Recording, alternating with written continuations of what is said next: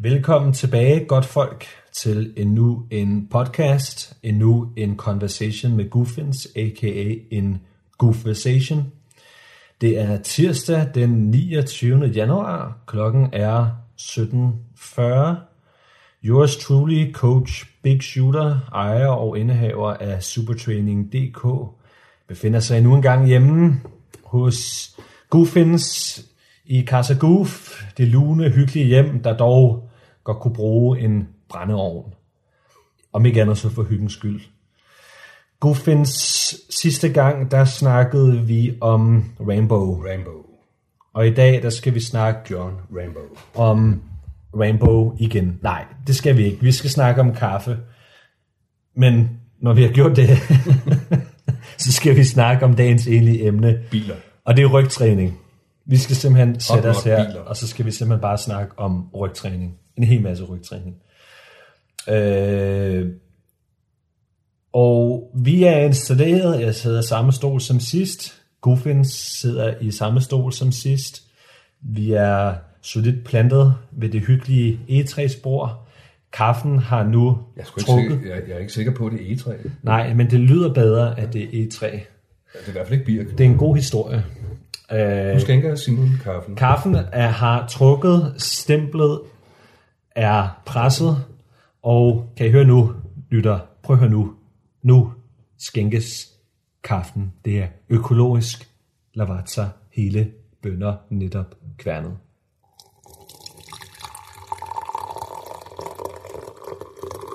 Kan I høre det? En hyggelig lyd. Kan I høre det alle sammen? Ah, det er som en symfoni. Goof, du får lov til at skænke din egen kaffe. En mand bør skænke sin egen kaffe. Modsat te.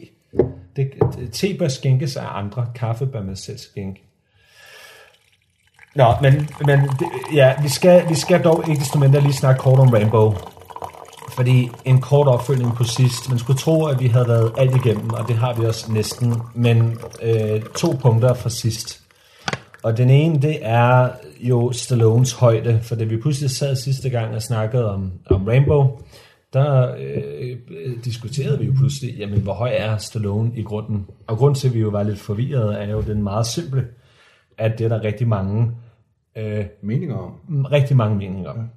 Så der er folk, der siger, at han er 1,70, og der er folk, der siger, at han, Han er er 1,60. 1,77. Og det er det samme med Arnold. Mange bud på, hvor høj Arnold øh, er og var, jo fordi man bliver lavere med alderen, det gør de fleste. Det, det skal lige indskyde. Det er egentlig lidt sjovt, fordi Arnold blev målt af andre i forbindelse med konkurrencer. Han havde en, en build height på 6'2, og han har selv indrømmet, at den var rundet op fra 6 Ja. one and a half Yes. inches, som svarer til 1,88 Yes. cm. Ikke? Yes. Så der burde ikke være så meget dekadar om, hvor høj Arnold var i sin prime. Han er sikkert en smule lavere end Ja, nu, ja, han er selvfølgelig. synker sammen med alderen. Men høje mennesker bliver også lavere med alderen end, end lave mennesker, vil jeg sige. Ja, det er klart. Høje Måske ikke nødvendigvis relativt, men om ikke andet så absolut. Jeg, kan- jeg kan lige hurtigt fortælle i den forbindelse, jeg blev målt, jeg har altid været 1,88 cm, jeg blev målt hos min læge med et nyt måleaggregat, man sætter på hovedet, og som så med en laserstråle, beam min downscotty, måler ned til gulvet, og der var jeg pludselig kun 1,85. Ja. Det irriterede mig grænseløst hele dagen, indtil jeg gik hjem og målte mig selv på den gamle måde, hvor man står op ad en væg, så var jeg 1,88 igen. Jeg er jo også råd ned fra 1,80 til noget 1,79,5 eller noget af den stil, efter, efter års squat og dødløft og bære rundt på tungvægte. Og sådan noget. Compression of the spine. Det er... Sådan er det. Sådan er det. Øh, Men det er altså forklaringen på, hvorfor vi sad der og snakkede noget om hans højde. Og øhm, det er afhængig af, hvem man spørger. Og man kan sige, man er nødt til, når man, hvis du bare ser ham i film, det kan du ikke bruge til noget, fordi der er jo selvfølgelig manipulation med vinkler. Og, og så ser du ham i pressefoto og den slags, og så skal du lige fratrække øh, hans plateaustøvler, skråstreg, sko. Noget andet, jeg så vil sige, det er, at du skal ikke gøre nogen af de ting, fordi de er totalt spildetid. Who cares? Who cares, hvor høj han er? Pointen er bare, at han ikke er øh, et, kæmpestort brød. Han er øh, øh, lidt lille, altså lidt lavere end gennemsnit, og lidt mindre af struktur. Og der kunne man jo godt, når man ser hans meget muskuløse øh, fysik i film, tænke, at han også var jo stor. Og det var han ikke i en absolut forstand. Han var relativt stor. Rel- altså godt muskuløs. Og den anden bemærkning var jo øh, en ting omkring Rainbow. Det er musikken. Vi glemmer om musikken. Ja, ja. Det er god musik. Og det kan ikke være andet, når det er It's a long road. It's a Long Road, præcis. Men Og jeg kan ikke huske, hvad han hedder, ham der skrev den. det er, Fedt nummer. ja, jeg ved ikke, hvad, hvad, hvad han hedder, ham der synger den, men ham, der har lavet musikken til Rainbow, det er Jerry Goldsmith. Ja. Og Jerry Goldsmith var, og jo dermed stadig er, en legende i filmmusik. Lige fra hukommelse, så tror jeg, vi taler en Oscar-pris og 17 Oscar-nomineringer. 17 Oscar-nomineringer. Hvor mange gange har Meryl Streep været nomineret til bedste Oscar? Hvor mange gange har hun vundet? Bedste øh, jeg hoved- sgu ikke. Mange gange i hvert fald, men altså 17, 17 Oscar-nomineringer og en enkelt Oscar-statue til Jerry Goldsmith. Og han øh, vandt for noget så sjældent som en... Øh, en øh, det er meget sjældent, at gyserfilm de vinder Oscars. Hvad for en? Men det gjorde han altså til tegnet The Omen Ah ja, The Omen. om, Fantastisk. om Damien, Damien Thorne, som er Antichrist. Og det er en fantastisk film. Se den originale. 19, ja, se, uh, se for guds skyld, altså remake, det er noget...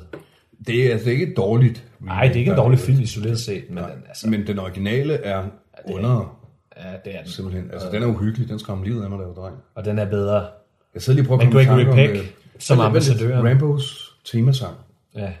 It's a long road when you're on your own. Det er så meget, jeg kan huske af den. When the, og så i landet, og så kører den lidt. Og så øh, landet Hearts on Fire, tror jeg, Burning Desire, meget øh, 80'er. Men, øh, men han har altså lavet, øh, han vandt altså en Oscar for 1976, tror jeg, der var for The Omen, og det er, det er sjældent, at gyserfilm vinder Oscars.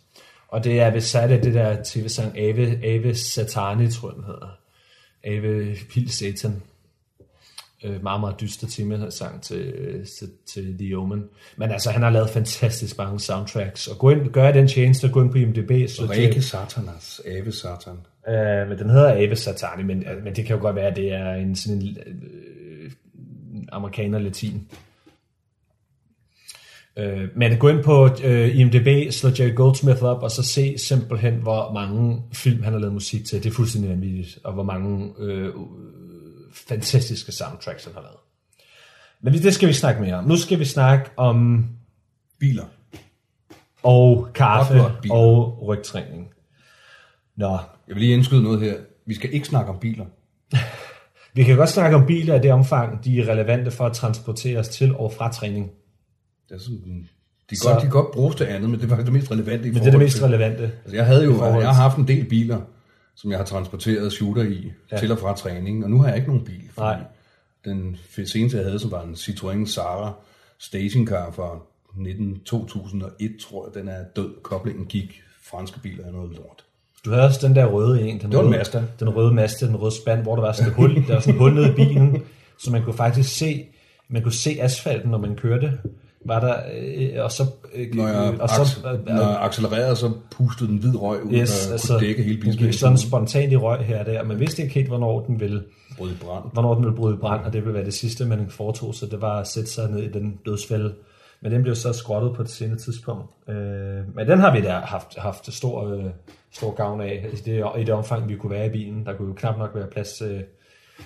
Altså, Jeg tror, var det, var det ikke din kone, der sagde, at det så ud som om, vi tog den på, når vi satte jo, i den? vi tog den på. Det var som en hat eller et eller andet. Ja, præcis.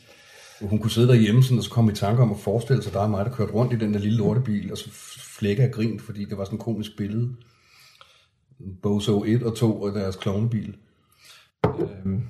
Men nu om rygtræning.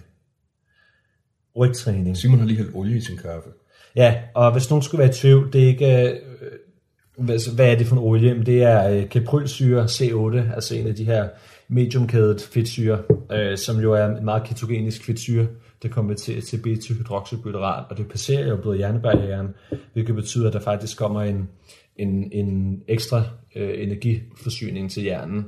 Men den kan også have den effekt, at, og det er øvrigt også et, et mere effektivt brændstof til hjernen, end glukose er, men det kan øvrigt have- også have den effekt, at man kan blive lettere beruset. Og det den sidste måneds tid har jeg kørt noget ketose. Jeg kører sådan en ketose et par gange om året. Øh, og lige nu ved jeg, at der sidder nogen derhjemme. Man kan jo ikke, man kan jo ikke lave detox. Man kan jo ikke lave cleanse. Ja, og til jer vil jeg bare sige tillykke. For så vidt angår, Det er fordi, de, de forveksler det med sådan noget juicing-kur det gør de.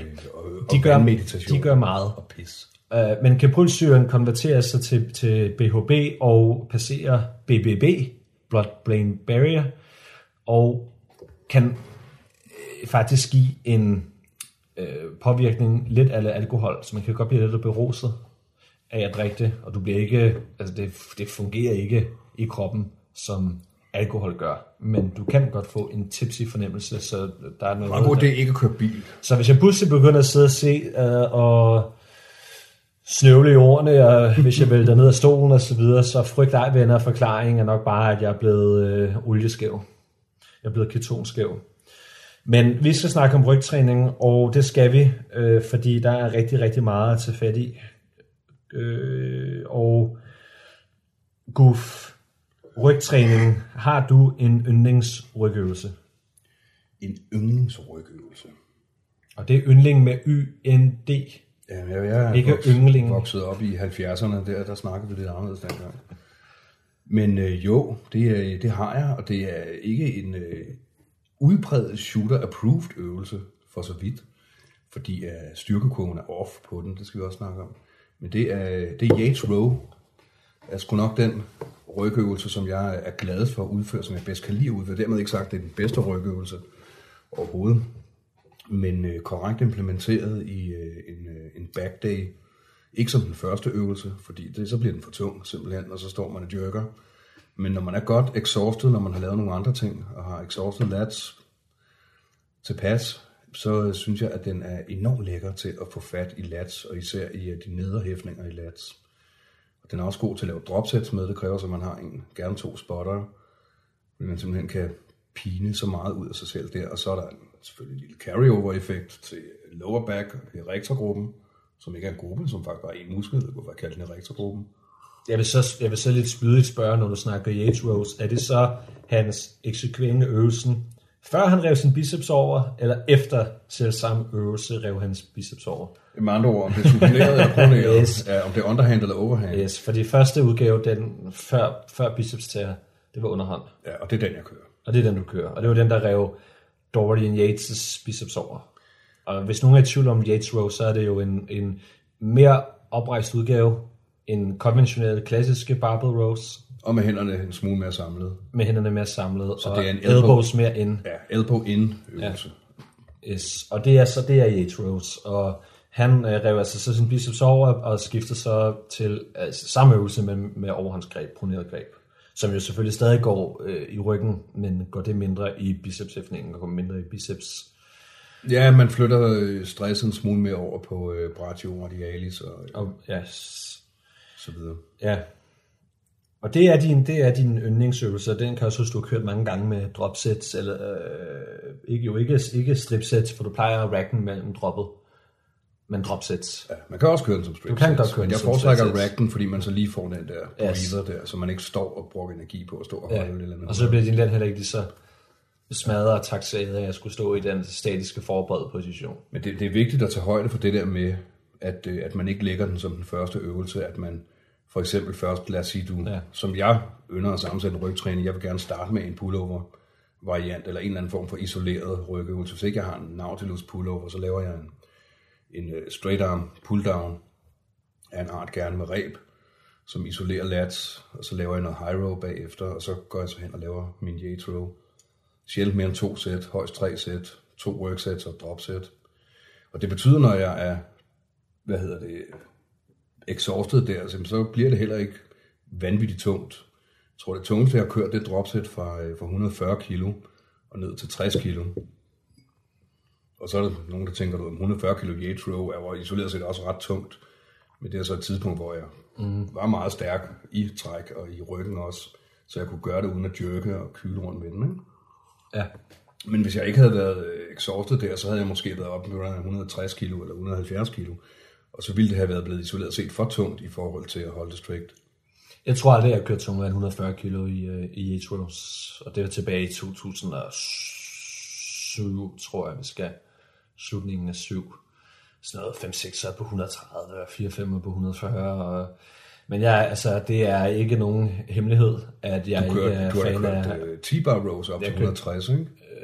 Jo, det lyder meget rigtigt. Ja. Jo, 160-170, tror jeg. Men det er jo ikke nogen hemmelighed, at jeg ikke er fan af Barbell Rose, og det har jeg ikke været længe, og det har jeg skrevet en lille artikel om til bodybuilding.dk, øh, som er om, om, om Barbell Rose. Og øh, Man kan så det er, i spekulere hvert fald ikke, det er i hvert fald ikke min yndlingsøvelse, og det er T-bar heller ikke for den sags skyld. Jeg vil sige, hvis jeg skulle vælge to, hvis jeg skulle vælge en rygøvelse, så ville det formentlig være en, det ville være en del førsteplads mellem dumbbell rows, og så mellem en kropshævning. Og hvis jeg skulle vælge en kropshævning, som ramte mest og bredt og mest rationelt, hvis man kan sige det sådan, som er mindst ude i en specialisering, så vil det være med medium overhåndsgreb. Så min førstepladsen Det er det, man helt klassisk vil kalde en pull-up. helt klassisk pull-up. Ja.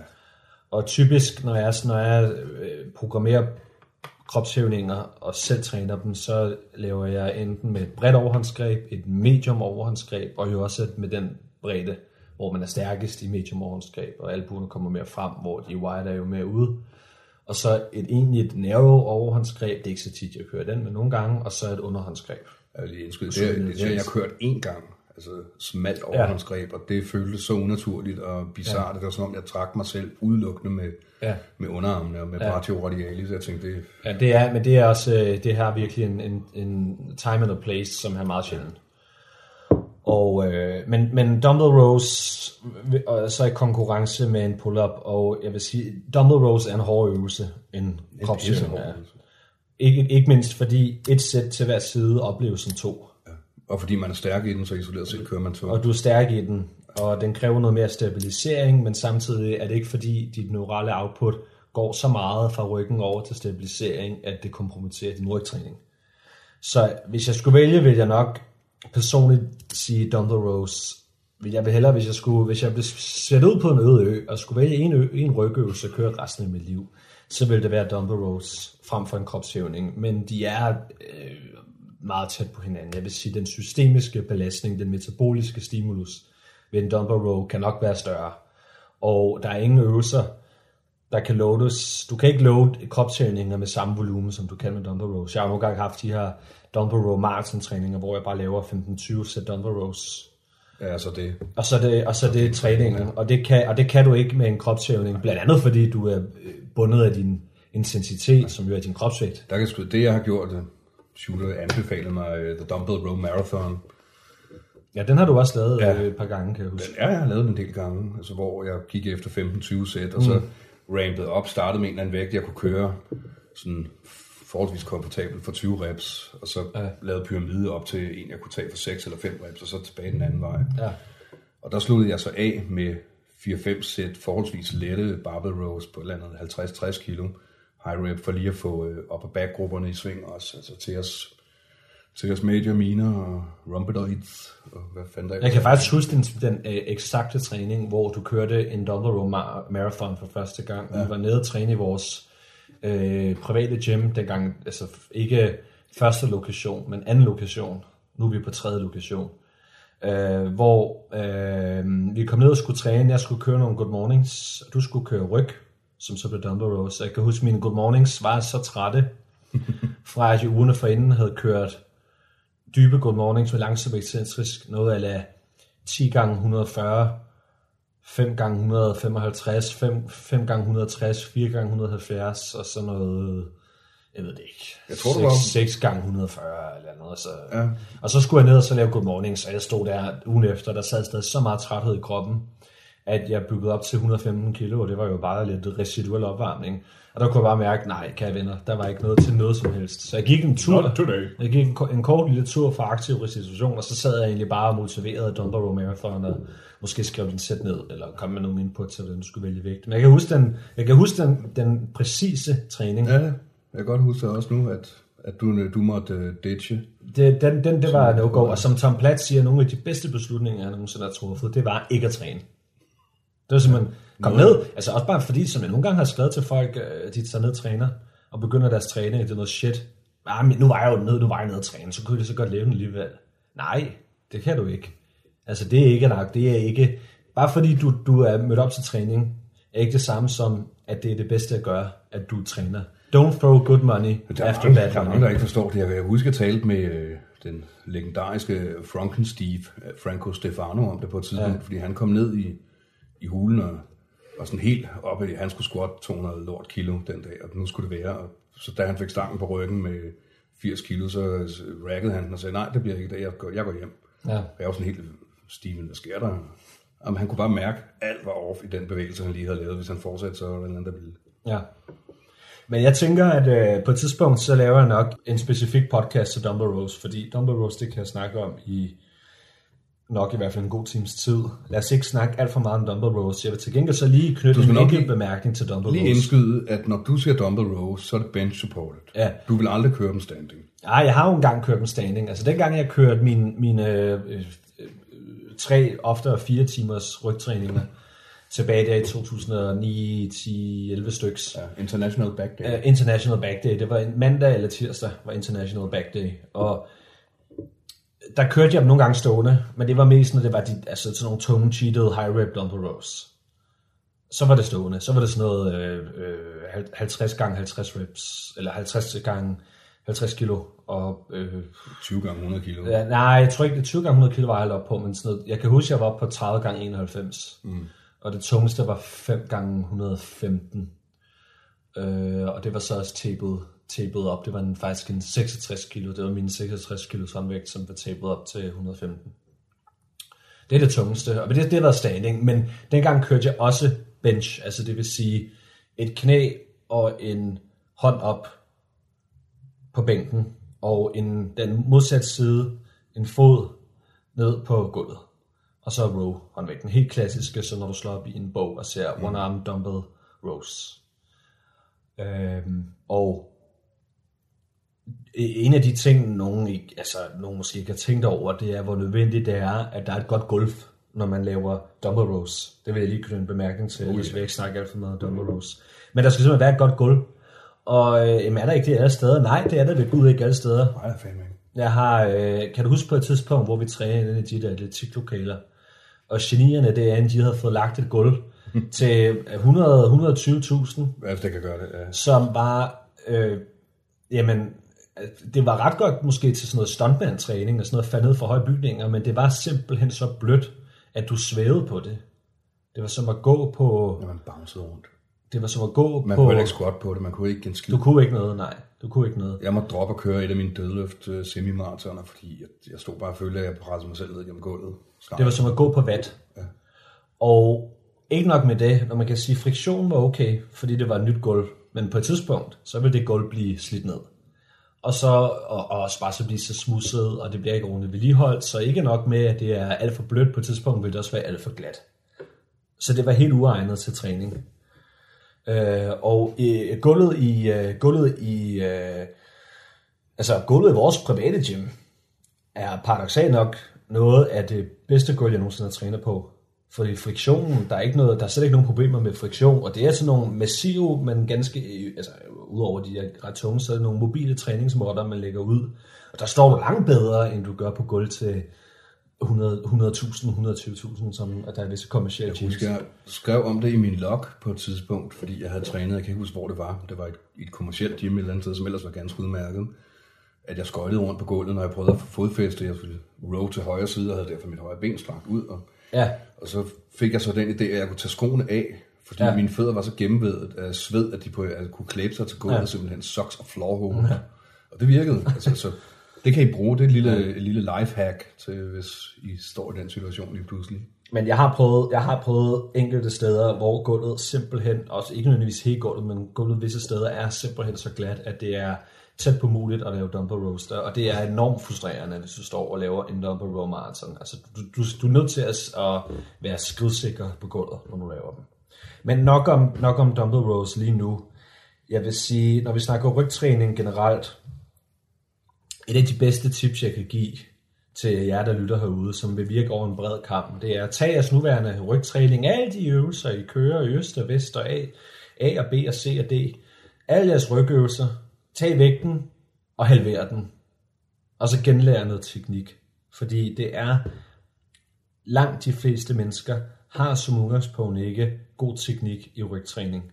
Det betyder ikke, at de har nødvendigvis har inferior teknik i alle øvelser, men det betyder, at teknikken godt kan lide øh, i en del øvelse.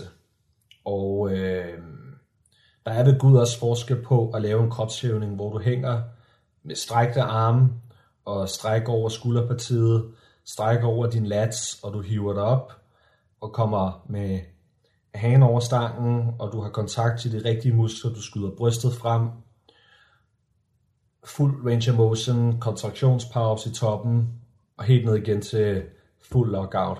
Og så sammenlignet med nogle af de der Quasimodo pull-ups, man ser til tider, som jo øvrigt også nogle gange indebærer ret betragtelige CrossFit, CrossFit, CrossFitonian kip. Ja, det berømte kip. For at komme op i toppositionen. Og det er bare to meget usammenlignelige ting. Altså en god pull-up, der er forskel på en god pull-up, og så en eller anden bullshit pull-up. Og de fleste mennesker laver bullshit pull-ups.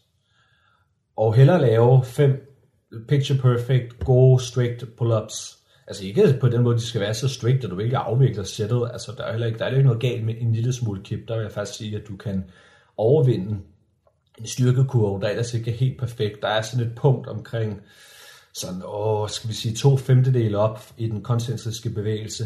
Der er der sådan et punkt, hvor øh, styrkekurven godt kan være lidt skæv på den måde, at, at øvelsen er mere hård der end i resten af bevægelseslaget. Der kan en lille bitte smule øh, sådan energiafvikling fra, fra ben være okay, men det skal være, altså, det skal være med proportionerne i orden, det skal give mening.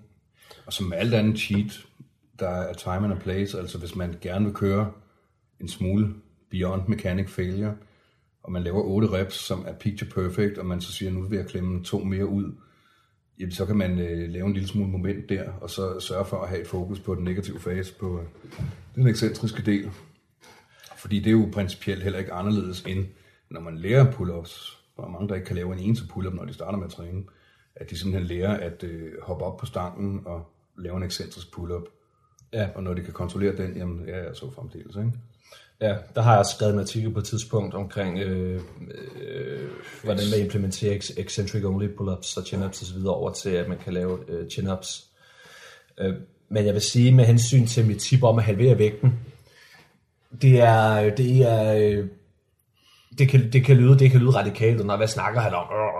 Jeg, har en har god teknik i min rygøvelse.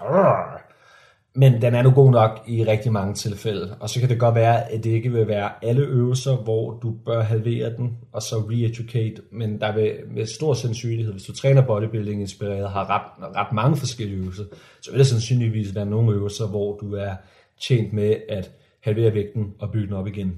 Øh, og jeg skal lige give en lille shout-out her til en mand, der nu er i graven, og det har nu godt nok været en del år. Det var Mads Knudsen, øh, i gamle dage kendt som squatfather, og det er endnu ikke fordi han løftede så imponerende kilo i squats, han var bare meget glad for squats. Nej, det der kendetegnede ham ud over en øh, tør humor, det var, han var et, et bodybuilding, skråstreg styrkeløft, skråstreg vægtløftning, skråstreg cykelsports encyklopædi. Han havde en, en glimrende hukommelse på det område og kunne huske, altså, hvem, hvem havde vundet hvilket år, og hvad var vægtklasserne, og hvem havde trænet med hvem, og hvad var, han kunne, altså han havde en fantastisk,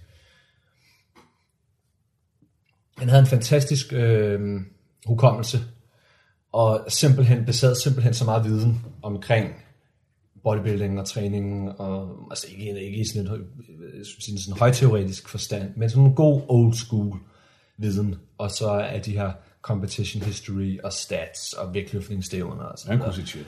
Han kunne sit shit, og han, øh, hans tip på et tidspunkt var til folk, at tag af, tag, din, tag af de kilo, du bruger i rygtræning, reducer dem til 50% og bygge op derfra. Og det er faktisk et rigtig godt tip til rigtig mange mennesker. Han, øh, han faldt i øvrigt pludselig død om i en alder af, ja, hvad var han, 3-34, og det var tilbage i 2007, tror jeg, en eller anden formentlig medfødt hjertefejl øh, så lå han bare død i sin stue. Men øh, gode gamle Mads, du er ikke glemt. Vi husker dig. Skal vi skulle lige give skåle en, en kop kaffe til Mads, som du øvrigt ikke aner, hvem er. Men det, nu, Never har, heard of him before my life. nu har du den, nu har du den eneste. Øh, Jeg kan indskyde i forbindelse med det, at øh, problemet med, at mange de bruger for meget vægt i deres rygøvelser, det er, at, øh, at de ikke rammer de muskler, som de er ude på at ramme. Ja. De, øh, Og de små muskler forsvinder tit. og det er især det, man ser i, øh, i row, Ja. frivægts row øvelser, om det så er wide grip barbell row, eller hvad fanden man laver, ikke? fordi man dyrker, og man aktiverer biceps, og man øh, Ja, hofte og laver lænd. alt og- muligt. Og, altså Yates var jo den første sådan for alvor, der fandt ud af, hvordan man isolerede og aktiverede lats, og som fandt ud af, at det ikke handlede så meget om, hvorvidt man skulle trække ovenfra og ned, eller lige ud og ned, om det var horisontalt eller vertikalt, og, øh, var, selvfølgelig har noget at skulle sagt det. Kontraktionspausen havde med at sige. Ja, og om du kørte med elbows out eller elbows in. Som udgangspunkt, hvis du har albuerne ude, så rammer du op af baggrupperne. Hvis du har albuerne inde, så rammer du primært lats. Og det er så selvfølgelig, fordi din lats har en mere fordelagtig, altså simpelthen biomekanikken, de, har en, de kan bedre trække, når albuerne er til den på kroppen. Og det er en af grundene til, at jeg blev enormt glad for at, at følge den der model med at pre-exhaust lats, før jeg trænede lats, så at sige. We heard you like lats, so we put a lat exercise in your lats. Ja. Fordi hvis jeg laver en Nautilus pullover eller en uh, straight arm pull down med reb, jeg foretrækker reb, nogen foretrækker stang, det er lige meget. Tag den, du bedst kan lide, og så bagefter laver en, uh, altså en compound øvelse, som ikke er isolation. Og det kunne så typisk være en, uh, en high row, en hammer strength high row. Så, øh, så får jeg en fantastisk kon- kontraktion i lats, og jeg kunne se forskel efter jeg begyndte på det. Altså, jeg har altid haft fra naturens hånd en bred ryg, men øh, den der V-taper thing, kunne flere lats og se dem forhånd, når man stod afslappet, det begyndte for alvor at blive øh, udtalt på mig, efter jeg lærte at bruge isolationsøvelser til lats. Det er, Det er ikke nødvendigvis for alle. Altså, shooter, du har aldrig rigtig brugt lat isolation som sådan. Jeg har set dig køre nogle, øh, nogle dumbbell pullovers, men det har været med i forbindelse med det var med high sådan circuit, circuit, circuit udtrapning og så videre. Ja, lidt sjælden variation til ryggen. Nej, altså min rygtræning har stort set altid taget udgangspunkt i, i kropshævninger, i de uh, førnævnte varianter, og så dumbbell rows. Og så har jeg også lavet ret mange pull-down varianter, machine rows osv., osv., men de har altid været sekundære i forhold til dumbbell rows Ja, det har mere været for og at få kyldet volumen på. Ikke? Du Mere for at købe volumen på og få noget variation ind og få ramt fra, One arm machine row er en glimrende øvelse. fra alle vinkler. Øh, og øh, i øvrigt, øh, apropos det her med, det her med cheat og barbell rows, øh, god gamle David Paul fra The Barbarian Brothers, de, var, de kørte jo sådan nogle 200, 200, altså 500 punds barbell rows, 227,5 kilo barbell rows, og 180 kilo osv. osv. Og der var jo den her historie om, at der var en anden, der øh, stod og kørte nogle barbell rows, og så siger, kommer David over og siger, So what are you training? You're training your back. And uh, what happens if you cheat? You use your back. Put on another 45 pound plate. så logikken var, at det, hvis, du, hvis du træner din ryg med en barbell row, og du bruger cheat, så det, bruger du jo stadig bare mere af din ryg. Og altså, den holder desværre ikke i byretten, kære venner, fordi det, der sker, hvis du cheater tilpas meget, det er, at du bliver, du bliver typisk mere altså forarbejdet øh, krum i overkroppen. Det fjerner noget fokus og noget stress fra rygmusklerne, og du afvikler den i højere grad fra, fra hofter og fra lænd. Og man kan sige, hvis du får et pump i dine calves af at lave barbell rows, then you're doing it wrong. Jeg, jeg, vil, jeg vil sige så langt, at hvis du laver nogle barbell rows, og du har et lille pump i uh, lower back i erector, det er okay. Fordi du har, Det trods alt, sker, det du, har, sker. du har trods alt stået foroverbøjet med en tung vægt, så selvfølgelig vil du aktivere erector, ja. men som shooter siger, hvis du pludselig også har et pump i uh, calves og i uh, hamstrings, så skal du smide 50 procent af og re-educate lortet. Jeg har jo den, jeg har jo den erfaring, at opvarmning, jeg behøver ikke varme op til rygtræning. Jeg kan stort set gå ind fra gaden og lave mit første og tungeste workset overhovedet, og det er ikke noget problem. Og det er uanset, hvad vi snakker. Det vil også være typisk, hvis du startede med kropshævninger. Ikke? Jamen selv hvis det er kropshævninger med 50 kilo bæltet, laver jeg ikke nødvendigvis opvarmning til det. Jeg behøver ikke. Jeg har aldrig nogensinde mærket det mindste til noget som helst negativt af ikke at varme op til rygtræning. Og det samme, at nu, nu gjorde det så rent principielt, lavet noget opvarmning, når jeg kørte sådan nogle 90 plus kilo dumbbell rows og 80 kilo, fordi der er altså en risiko for at rive noget værk over i biceps eller brachialis, så der, der lavede lige et, altså et eller to token sets hammer curls som opvarmning, eller et enkelt sæt dumbbell rows med, For at for blod igen. med 30-40 kilo bare lige for at få noget blod igennem. Men det er det. Ellers har jeg stort set kunne gå ind fra gaden og lave 80 plus kilo dumbbell rows uden nogen som helst opvarmning. Hvis jeg skal køre kropshævninger Ja, jeg, jeg oplever i bare en, ikke i, en ryg, i en rygtræning, så, så vil jeg altid lægge den som den første øvelse. Så vil jeg ikke pre-exhauste først, fordi white grip pull-ups rammer fint, uden at være pre-exhausted. Ja, det gør det. Men der oplever jeg, der, der, er sige, der har du også din vægt, der har du også fornøden intensitet i din vægt, fordi du er jo af halv tung. Ja, ja, hvad vejer jeg? 110 kilo, godt og vel. Men, øh, men jeg vil lave noget udstræk først, og det vil være det. Jeg tror, den er tom, Kap. Nej, bare rolig. Jeg kan altid squeeze en squeeze ekstra, jeg kan altid squeeze en ekstra shot ud. Så det, jeg vil gøre, lave noget udstræk, og så laver jeg første sæt, så mange reps jeg nu kan. Og så laver jeg altid flere sæt på andet reps, fordi Ja, du bliver potentieret. potentieret og primet og Ja. så videre. Og så, er man jo også, så kan man sige, så var første sæt en art opvarmning. Ja. Men det Det tæller, kan man, ja, tæller stadig mere som et workset. Men det er jo, det er jo lidt den her high intensity training hit ja. øh, filosofi, som er, at dit første workset, det er også opvarmning. Ja. Og det er lidt noget baloney, men, men man må også bare sige, at nogle gange så er den god nok. Jeg har det også nogle gange i rygsttræning. Det er sjældent, men nogle gange er det startet med sådan en AMRAP med, med kropsvægt. Altså, hvor se bare, hvor mange, hvor mange kan jeg egentlig tage med kropsvægt. Og så øh, kommer et weighted set efter det. Men grunden til, at jeg typisk ikke kan lide at gøre det sådan, er fordi det første sæt trækker for meget performance fra... Hvis jeg, har, hvis jeg vejer 112-13 kilo til træning, og jeg starter med en AMRAP i øh, bredt overhåndsgreb eller medium grip overhånd, og så jeg, jeg laver weighted bagefter, så, er det, så koster det typisk bare nogle kilo for det tunge sæt. Men nu er, nu er du også så effektiv i øh, overhand pull-ups, at på trods af, at du vejer over 110 kilo, så vil en AMRAP for dig, hvor du udviler frisk og går i gang, det vil ende i nærheden eller over 20 reps, ikke? Ja, jeg tror, hvis bliver- vi snakker bredt overhåndsgreb, og så altså strict, fuldstændig strict teknik, så ligger vi nok på en, jeg tror 16-17 reps, hvis det er bredt overhåndsgreb. Og det er også mange reps, så udover at du får en, god Og det, så, det vil være to, det vil være med en to sekunders ja. excentrisk kvæs med timet med metronom. Det så er der også stort metabolisk output i det, ikke? Så man skal tage højde for, hvor hvis det er en, en intermediate trainee, som Ja, ja, skulle gøre det samme, så han måske, hans AMRAP Ja, ja, ja. ja. er inde på 8 reps? Præcis, jo jo. så er der jo ikke det store metaboliske output, men stadigvæk en fin Ja, muskelstimulus, så han kunne roligt lave en AMRAP, men det ville være dumt for dig at gøre det. Og det er rigtigt, men det er min erfaring er bare, at det, det koster simpelthen for meget øh, for, for det egentlige performance set. Måden jeg typisk orkestrerede de her, nej lad os lige runde, runde af med opvarmning, så, så vi, er- vi er enige om, jeg varmer stort set ikke op, nogle gange gør jeg, hvis det er tung dumbbell rows, og du varmer op på din, hvad skal man sige, egen fasong. Udstræk og Men det ikke, ja, bruger det første rep, det første sæt som opvarmning. Ja, og det, jo- jeg vil jo også sige, apropos det med udstræk, hvis man kan mærke, at der er noget tightness i lats eller noget andet, så øh, er det ikke en dårlig idé lige at varme op med en smule stræk til ryg- ryggrupperne. Øh, så det er, det er noget så kedeligt som opvarmning. Og lige en pointe i forhold til det her med, med øh, kropshævninger.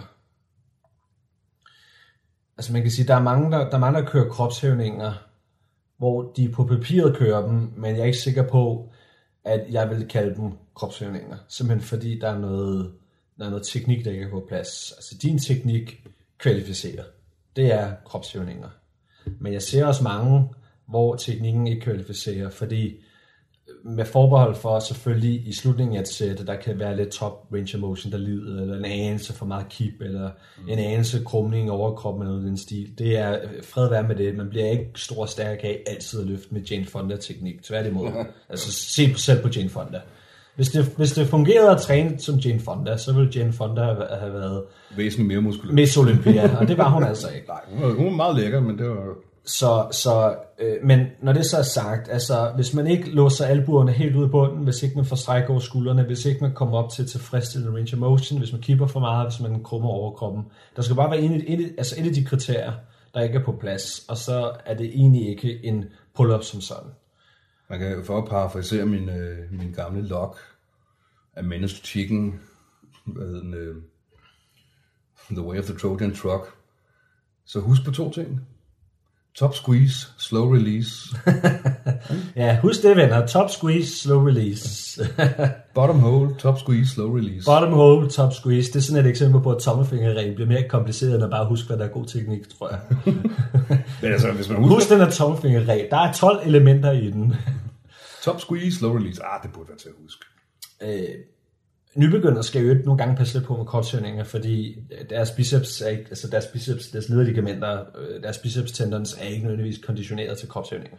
Så jeg har set et par eksempler, ikke det er folk, der kommer til skade, men jeg har set et par eksempler på folk, som egentlig havde styrke nok til at lave kropshøvninger, men albuen, albuledet kunne, kunne faktisk ikke understøtte det. Mm. Så lige en opstær, hvis du sidder der ung, nybegynder og meget entusiastisk. En, en sidste ting til kropshævninger, i forlængelse af det, det er jo, at øh, så det burde du nok også lige komme ind på omkring kropshævninger versus pulldowns, ja. som jo egentlig er den samme bevægelse, men ikke er den samme ja. øvelse. It's the same, only not. ja, og pulldowns, og altså det er jo interessant nok, at der er så få professionelle bodybuildere, der egentlig laver kropshævninger. Mm. Og det er bestemt, man kan sige, der, der, der er nok to meget væsentlige forklaringer. To gode forklaringer. Og den ene, det er, det er et spørgsmål om kultur. De har simpelthen ikke kulturen til det. Altså squats i dag, der er masser, der laver squats nu, almindelige frivægts squats med fokus på quadriceps. Men det var der ikke kultur for i gamle dage. Det var Tom Platz, der måtte finde squat frem i Gold's Gym i sin tid. Det var møde over i et eller andet hjørne og stå samlet støv, og så måtte han hive det frem og stå og squattede. Dengang var kulturen ikke til at squat. Og kulturen er stadig ikke for, for prof bodybuilder at køre kropshævninger. Der er selvfølgelig nogen, der gør det, forstår mig ret. Et andet problem er, at mange af dem er simpelthen så tunge, at de øh, ikke laver kropshævninger. Og det er noget at gøre med, at de gerne vil køre høje reps, og det, så er der jo heller ikke dem alle, der har lært at lave kropshævninger. Tro det eller ej. Mm. Men det er ikke dem, det er alle, der kan finde ud af at lave kropshævninger. Øh, der er ingen tvivl om, at ud fra sådan en biomekanisk analyse, så er kropshævninger at foretrække. Men når vi snakker hypertrofi, selvfølgelig kan du i høj grad også bare kompensere ved at lave det mere træning på pulldowns med diverse varianter. Så man kan sige, du kompenserer for, at måske i udgangspunkt øh, inferiør, altså ikke værdiløs, men den er bare i forhold til kropshævninger inferiør øvelse, så kompenserer du ved simpelthen bare at blitse musklerne og så bare lave, altså så, så kan det godt være, at det havde været bedre med 6 kropshævninger, men så laver du 20 sæt pulldowns. Og lurer jo, mig, øh, som, altså det, det er noget, jeg har gjort tit, fordi især i starten af min træningskarriere, hvor jeg vidderligt ikke kunne lave mere end fem kropshævninger, uden at det blev grimt. Og så hvis jeg havde tre sæt af fem kropshævninger, så satte jeg mig og lavede pulldowns bagefter for yderligere 10 sæt. Fordi så vidste jeg, så havde jeg ramt. Ikke? Og det vil jeg stadig også gøre i dag, ikke? hvor jeg så vil lave fire eller fem sæt kropshævninger, indtil jeg kom ned og nærme mig de 5-6 reps, og tænkte, nu begynder det at blive så low rep, at det ikke giver bodybuilding-mæssig mening mere. Og så sætter jeg over og lave den samme øvelse, så kan jeg gå efter 20, 30, 50, 100 reps, hvis det skal være. Ikke? Altså et af de problemer, der er så med pulldowns, det er, at at der er også noget rent praktisk i opsætningen. Noget med øh, pudestøtten, altså sædet du sidder på, indstilling af højden der, og det der holder dine ben på plads. Og så også øh, intensiteten, altså du regulerer intensiteten ved at sætte x antal plader på. Du loader maskinen. Og det problem, der jo selvfølgelig kan være, hvis vi snakker pulldowns, det er, at nummer et, det er ikke alle øh, kabeltræk, der overhovedet går til meget mere end 100 kilo i dag. Mm. Der er mange, der ikke engang går til mere. Altså, øh, der er også mange kabeltræk i dag, de går ikke engang nødvendigvis til over 80, tror jeg eller ej. Så det er ikke som i gamle dage, hvor de gik til sådan noget 150, nogle gange 180 kilo. Så hvis, hvis jeg vejer til træning 110-115, og jeg skal have 50 kilo på i et dipbælte, så kan man selv regne ud, hvor meget jeg skulle lukke på i pull-downs. Og noget andet er så også, altså det kan så ikke nødvendigvis lade sig gøre. Du kan ikke, du kan ikke nødvendigvis tage et kabeltræk, der går til 100 kilo, og så load øh, 60 eller 65 kilo ekstra på jeg, jeg gjorde det på et tidspunkt, hvor jeg kørte nogle, jeg kan ikke huske, om det var sådan noget 10-12 eller sådan noget på 135 kilo, hvor jeg loadede 35 ekstra kilo på. Og der oplevede jeg på et tidspunkt, at, øh, at kablet simpelthen bare gik. og så fik jeg stangen ned i brystet. Wuff. Så det var, det var folly. Det var no-go.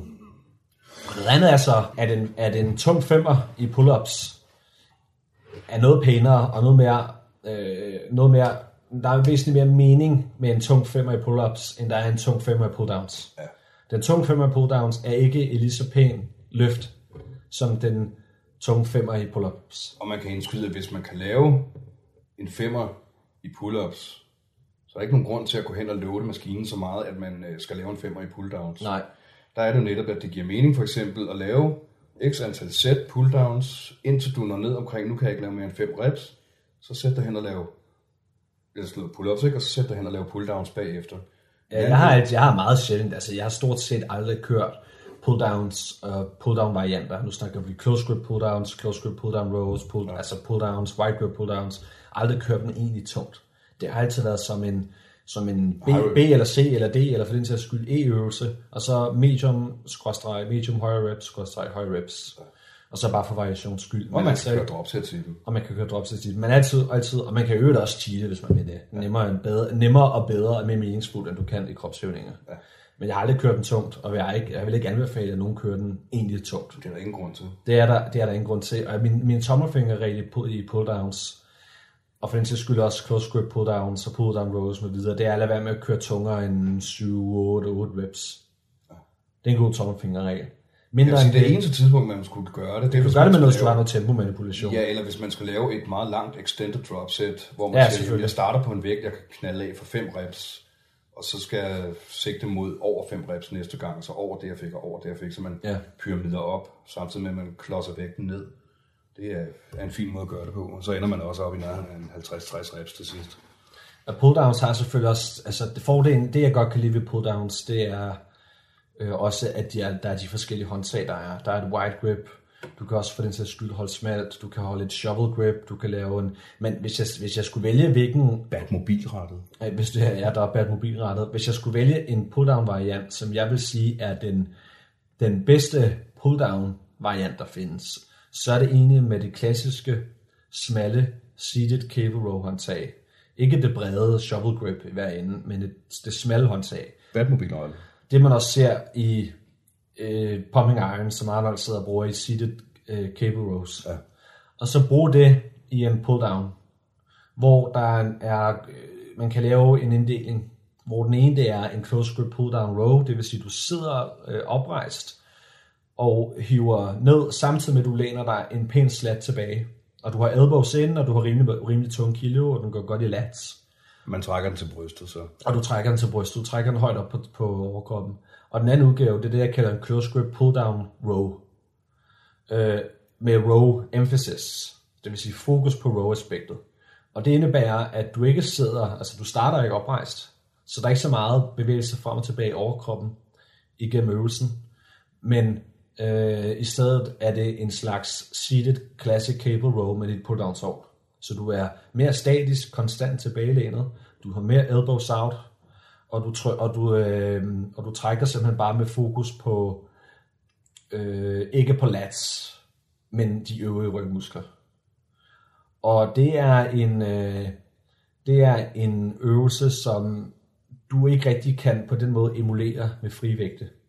Ja, det bliver sgu svært. Og det vil jeg nok sige er en af de få pull-down varianter, hvor jeg vil sige, at det er en, det er en god øvelse. Altså de andre er okay, men close grip pull-down rows med row emphasis, det er en god øvelse. Og særligt hvis man, hvis man, hvis man holder rigtigt, man får godt squeeze, kontakt til musklerne med kontraktionspause og noget tempomanipulation.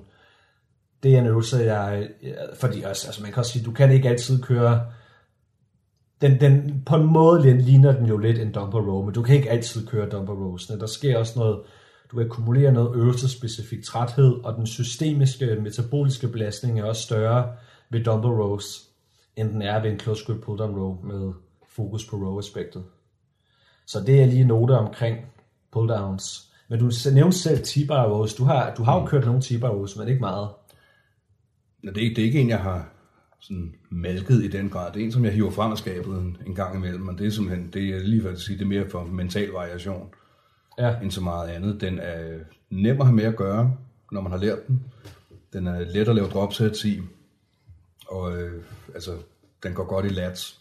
Men som du selv har været inde på, så er der en, øh, den er off i styrkekurven. Man er væsentligt stærkere i, i toppen end i bunden. Ja, så man kommer til, til at bruge rigtig meget quads i den, og ja. man kommer til at svinge og hive rigtig meget, ikke? Ligesom Arnold gør i øvrigt også i, i Pumping Iron, Ja, som Ron Coleman gør i... og som Ronnie Coleman gør. Ja, ja jeg, har, jeg har kørt den en del, og den er, den er okay, men, men det er ikke en... Altså det er mere, det er mere et eller andet kompromis mellem at træne øh, hele kroppen på en metabolisk stimulus ind, og simpelthen bare lave noget hårdt arbejde, rykke nogle tungvægte fra A til B, og så med, at det er en moderat øh, effektiv rygtræning, men det er bestemt ikke den bedste rygøvelse. Man kan, Den er hård, der vil jeg lige indskyde, man kan, hvad hedder det, kompensere en smule for det med styrkekurven ved at knalde kæder på. Fordi, altså, i hvert fald i teorien, så betyder det jo, at den bliver tungere, jo tættere man trækker den på kroppen, og dermed kompenserer det for den styrkekurve, der er off. Men det kræver, at man har adgang til nogle tunge, virkelig tunge kæder, for at det skal kunne give mening. Og så bliver det bare noget mok. og det bliver bare omstændigt. Under alle omstændigheder, under alle omstændigheder bliver det omstændigt. og, og så er der sådan noget som altså diverse machine rows, øh, og, og der vil jeg sige, der er gode machine rows, der er dårlige machine rows. Det er alt afhængigt af maskinen. Der findes ved Gud også øh, shit, altså øvelser, som er shit. Og noget andet er så også, at der er mange, hvis, hvor du egentlig sidder på en udgangspunkt okay maskine, men din teknik er shit, fordi du har ikke forstået at indstille indstillingerne til, at du får den ideelle teknik. Og placere sig rigtigt på maskinen. Placerer sig rigtigt på maskinen, læner sig tilpas meget forover, eller sidder tilpas oprejst, og de rette albuevinkler, og holde rigtigt om håndtagene, og afvikle den symmetrisk osv. Så, videre. så jeg vil sige, en ting er, en ting er, hvad, er, hvad øh, udstyrsteknologien er, noget andet er, hvad teknikken er. Og øh, den bedste maskine øh, kompenserer altså ikke for shit-teknik. Og selv relativt dygtige løftere, vil jeg sige, har ikke sjældent noget shit-teknik i machine rows. Mm. Det er som udgangspunkt en øvelse, hvor hvis man er i tvivl, så reducerer kilo. Som Robert De Niro siger Ronin, when there's doubt, there is no doubt. Så hvis du sidder der og kører de machine rows, uh, skal jeg have flere kilo på, skal jeg have færre kilo på, skal jeg blive på de her kilo, så reducer. Hvis du er i tvivl, så er der ikke tvivl. Reducer og få kontakten og mærke, at den rammer rigtigt. Og det er jo netop, det er jo, det er jo sjovt og paradoxalt, fordi der er mange, der nemlig tænker, at nu sidder jeg i en maskine, Ja. derfor kan jeg ikke lave forkert teknik, Ja. ergo kan jeg hælde 6.000 kilo på. Og det kan man ved Gud. Og så karter de rundt i det, ikke?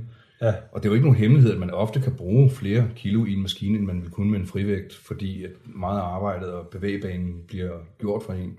Ja. Men altså, jeg vil nok lige sige med undtagelse af one-arm machine row, der skal man gøre sig umage for at fuck den op. Fordi det, der skal fokus være på, at man får stræk i bunden og squeeze i toppen. Og, Ja, jeg vil sige, jeg, jeg har nu godt nok alligevel set Ah, nu- jo, jo, det kan godt lade sig. Altså, det er... Men for eksempel uh, wide grip machine row, Ja. som jo er en glimrende øvelse. Ja, det er det. Men hvis man prøver at køre den tungt, så har man allerede tabt på forhånd. Ja, det har man. Fordi den er intet værd, hvis ikke man laver top squeeze, slow release. Nej, du skal lave lige præcis top, Top squeeze, squeeze, slow slow release og bottom stretch. Og bottom stretch, ja. Ja, det er fuldstændig rigtigt. Altså, og der har jeg, der har jeg, skal køres med tempo. hvad jeg ikke har set af, af, af øh, videre, videre stykkeligheder udført på machi- machine roll, Gebrækkeligheder. af gebrækkeligheder, det er, ja, men ellers er det ikke sjovt. Altså, Den vi har adgang til, ja, er jo en formidabel god maskine. ja, det er det, og den er gammel, Ja, og har ikke er- nogen værdi længere i salgsøje med, og så videre. Det er herligt. Der er ikke nogen, der vil have den. Paradoxalt nok, det er jo det, der sker i dag. Der er sådan en invers forhold mellem kvalitet, og så øh, øh, at det bliver altså prisfastsættelse. Ja, ja, det lyder som kliché. Alt det gamle lort, det, det fungerer bedst, og det er der ikke nogen, der vil røre ved. Hvad blev der i grunden af alt det gamle udstyr fra Gold's Gym, som Joe Gold jo selv byggede? Det er der ingen, der- ingen der ved. Det forsvandt. Han har bygget helt Der er lortet en eller anden, der har købt det, og så har han bare gemt det. Ja, det, Og så er han det død, er, og så er der ingen, der ved, hvad hvor det er forsvundet hen. Ja, han, har, han byggede jo selv alle de der maskiner. Han byggede selv håndvægtene. Ja, fantastisk. Det er der mange, der ikke ved. Men når, når man er ser sjovt. Pumping Iron, så husk, at meget tror- af det, der står der, det er faktisk Joe Gold, der har bygget det. Ja. Og det er der ved Gud mange, der, altså, fordi i dag, der, er- men hvad til, du, altså, i dag, der, hvis du skal have lavet gym, så går du jo online, og så køber du jo et gym. Ja, og så køber man hele linjen. Så køber for hele linjen, for det er noget bull- bullshit. Altså, øh, her brug halvanden million dollars, og så får du et helt gym sendt til din dør.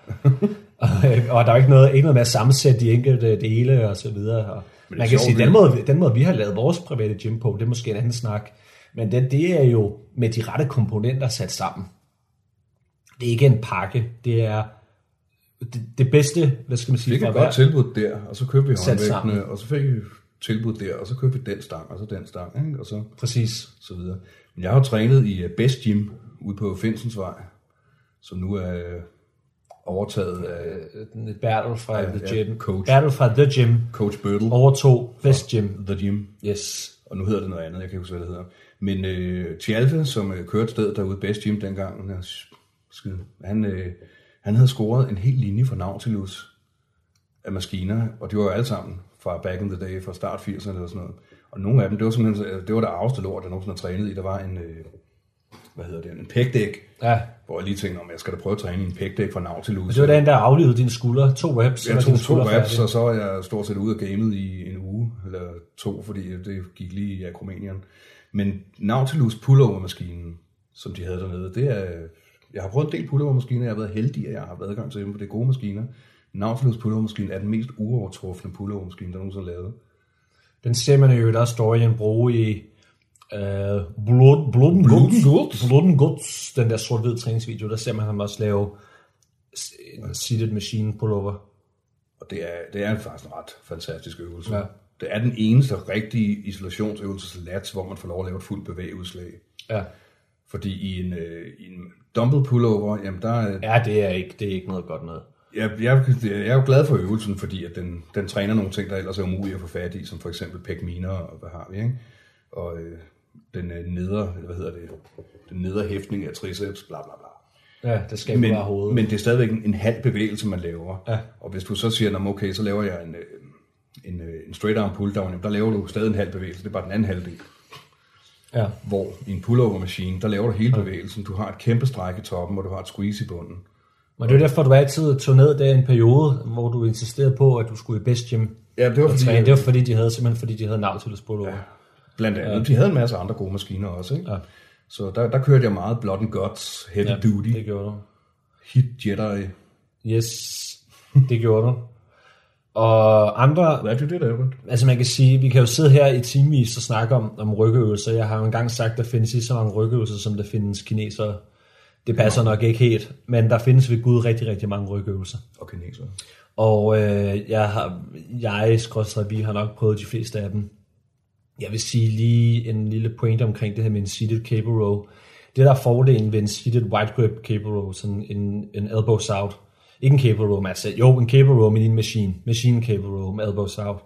Det er, at den systemiske belastning er ikke særlig stor, men du får en fin træning af de små muskler i ryggen.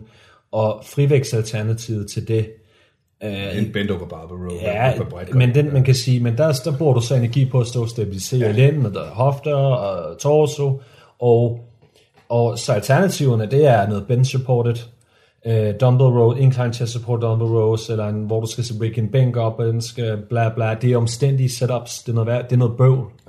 Og det har sin tid, det har sin plads. Jeg sætter også folk til at lave dem, og jeg har ved Gud også selv lavet masser af dem. Men når vi snakker den, altså for så vidt angår den egentlige rygtræning, altså den egentlige rygtræningsaspekt af de her måder, måder at lukke på, en machine row elbows out, og så frivægtsalternativen, og så er der simpelthen ingen forskel på bundlinjen. Så øh, og tid brugt på at lave et eller andet omstændigt setup, er tid brugt ikke på at sidde hjemme og restituere for den træning, man laver. Det er spild af energi og tid, et, et godt eksempel, som jeg har set folk lave i The Gym, og alle mulige og det er så jo i de gamle dage, det her skal vi lige huske at sige. Ja, back in the day. Back in the day. Ja. Problemet er, når, når jeg siger back in the day, så snakker jeg om øh, de tidlige 90'er sportsklub i Vanget. Ja. Men jeg skal lige... Og jeg snakker, jeg snakker midt slut nullerne. Ja, ja, ja. Men øh, hvor folk de så rækker de en, øh, en flad bænk op på to kasser, ja. og skal kravle ind over den, yes. og have nogen til at give sig stangen, yes. så de kan lave en bench support. Ja, og man skal sørge for, at man holder lige på stangen. Og, Ja, og det tager styrkekurven er helt skudt af, og det tager længere tid at række op til lort, end at udføre øvelsen. Ja. Så sæt dig dog hen og lav en seated Yes, cable row, absolut. elbow out eller en machine row. Absolut. Der skal også lige indspille noget sjovt, at det er, der kan man have muligheden for for eksempel at lave lidt uh, mechanical advantage lort. Hvis du laver en machine row elbow out ind til failure, og så sætter dig over i et kabeltårn og laver en, øh, en øh, pull-down row med bredt greb, med shovel grip for eksempel, med omtrent den samme vægt, og så en lille smule cheat. Der har du en fin mulighed for en mechanical advantage drop set der. Ja, og det er jo ellers ikke, når man snakker rygtræning, så er det... En, en god måde at få oppet volumen på. Altså det er nemt nok i, en, i, i brysttræning at lave mechanical advantage drop sets, for det er bare at sætte den fra en, en højere, en, en incline til en lavere incline, eller fra en incline til flad, eller fra en flad til en decline. Men rygtræning, der er det altså mere noget med at gå fra en elbows out til noget elbows in. Så man kan sige, det er sådan, det er sammenligningen, øh, man kan lave. Øh, jeg har nogle gange også sat folk til at lave, og også selv lavet dropsets i pull-ups, hvor man starter med en wide grip, og tager x antal, det kan være 3-5 reps øh, med vægt på, og så smider man bæltet, og så tager man et underhåndsgreb, cirka skulderbredde, og så tager man lige nogle de yderligere reps, man nu kan, kvæg at øh, underhåndsgreb Der er tillader, til, der er du stærkere, ja. og du når, lige, at- du når lige at hente en rep eller to på, at du smider bæltet og lige tager fat i stangen igen, og så at du holder smallere og med underhåndsgreb. Så, så kan det jo hedde en øh, tung 4 i wide grip pull-up, fuldt op af en 4-5 reps med det smallere og underhåndsgreb. Mm. Så det er en form for mechanical advantage øh, dropset. Og så kan man også... Jeg vil i hvert fald ikke lave nogen, der hedder, i rygtræning vil jeg bestemt ikke lave mechanical disadvantage dropsets i den fasong. Det vil være, admin med Det vil være, folly. det vil være meget farligt. Men der sidder nok nogen derude nu og tænker, altså en ting er wide grip, overhand, pull-ups, men hvad er så chin-ups, og hvad er forskellen på for eksempel at lave dem helt supineret eller semi-supineret? Og det er jo noget, det er jo, hvad, hvad, man kalder hvad er, Majoring in the minors. det er, ja, det, who cares? Altså, jeg, jeg foretrækker, det er jo lidt sjovt. Kald det, kald det hvad vil. Jeg laver min Yates row helt supineret, altså med underhåndsgreb, men når jeg laver chin-ups, hvor jeg gerne vil have, at de skal gå i lats, der har jeg det bedst med at lave dem med hammer grip, sådan semi-bredt hammer grip, Ja. eller neutral grip, eller hvad man nu vil at kalde dem. Og det tror jeg i sidste ende har meget at gøre med kropsbygning, hvordan man er skruet sammen, hvad der fungerer bedst for en. Fordi det er jo, folk de glemmer, at alle kroppe er vidt forskellige. Jeg er høj og har lange arme og naturligt forholdsvis brede skuldre, og det kan spille ind på, at hvordan jeg placerer mig på den ene eller den anden måde. Det er ligesom med bænkpres. Jeg har intet problem med at lave elbow flere og bredt greb og flad ryg. Det går ikke ud over mine skuldre, men hvis andre prøvede at gøre det, eller sådan semi-suicide, hvad lige hvad hedder det, guillotine bullshit, hvis andre prøvede det, så ville de smadre deres akromanium på stedet. Ikke? Øh, og i forhold til det her med, med øh, altså kropshævninger, og jeg har, aldrig, jeg har aldrig brugt neutralt greb, og det har jeg blandt andet ikke, fordi man kan ikke satse på, at det nødvendigvis er tilgængeligt. Det er ikke alle gyms, der har det. Og hvis de har det, så kan det nogle gange være med varierende afstand mellem håndtagene. Mm. Altså du træner i et gym, så har de den ene afstand mellem. Træner du et andet gym, så er der en anden afstand mellem grebene. Og øh, jeg har, jeg har aldrig brugt det selv, og jeg har aldrig sat, jeg har måske en enkelt gang i et eller andet skades øh, rehabiliterende øje med, sat folk til at lave, sat en person til at lave med neutralt greb. Men ellers er det aldrig noget, jeg har sat folk til at lave, og aldrig selv kørt jeg har egentlig aldrig rigtig fundet det relevant. Øh, jeg ser ikke, øh, det er ikke fordi, jeg har nogle objektive argumenter imod at bruge neutralt greb, men jeg har aldrig oplevet, at det egentlig er, er relevant. Det har jeg ikke. Øh, jeg vil så øvrigt sige, at, at en af de ting, der sker, når man, hvis man kører, altså den bedste måde at få et godt, godt pump i lats på, når vi snakker kropshøvninger, det er jo selvfølgelig ved at køre med elbows in. Og det kan principielt være underhåndsgreb, og det kan være et, et smallere, ikke smalt, men smallere overhåndsgreb. Går mere lats. Men det, noget mange oplever, det er, at et bredt overhåndsgreb, jamen, så siger de, jamen jeg får jo pump i lats. Jeg har pump i lats.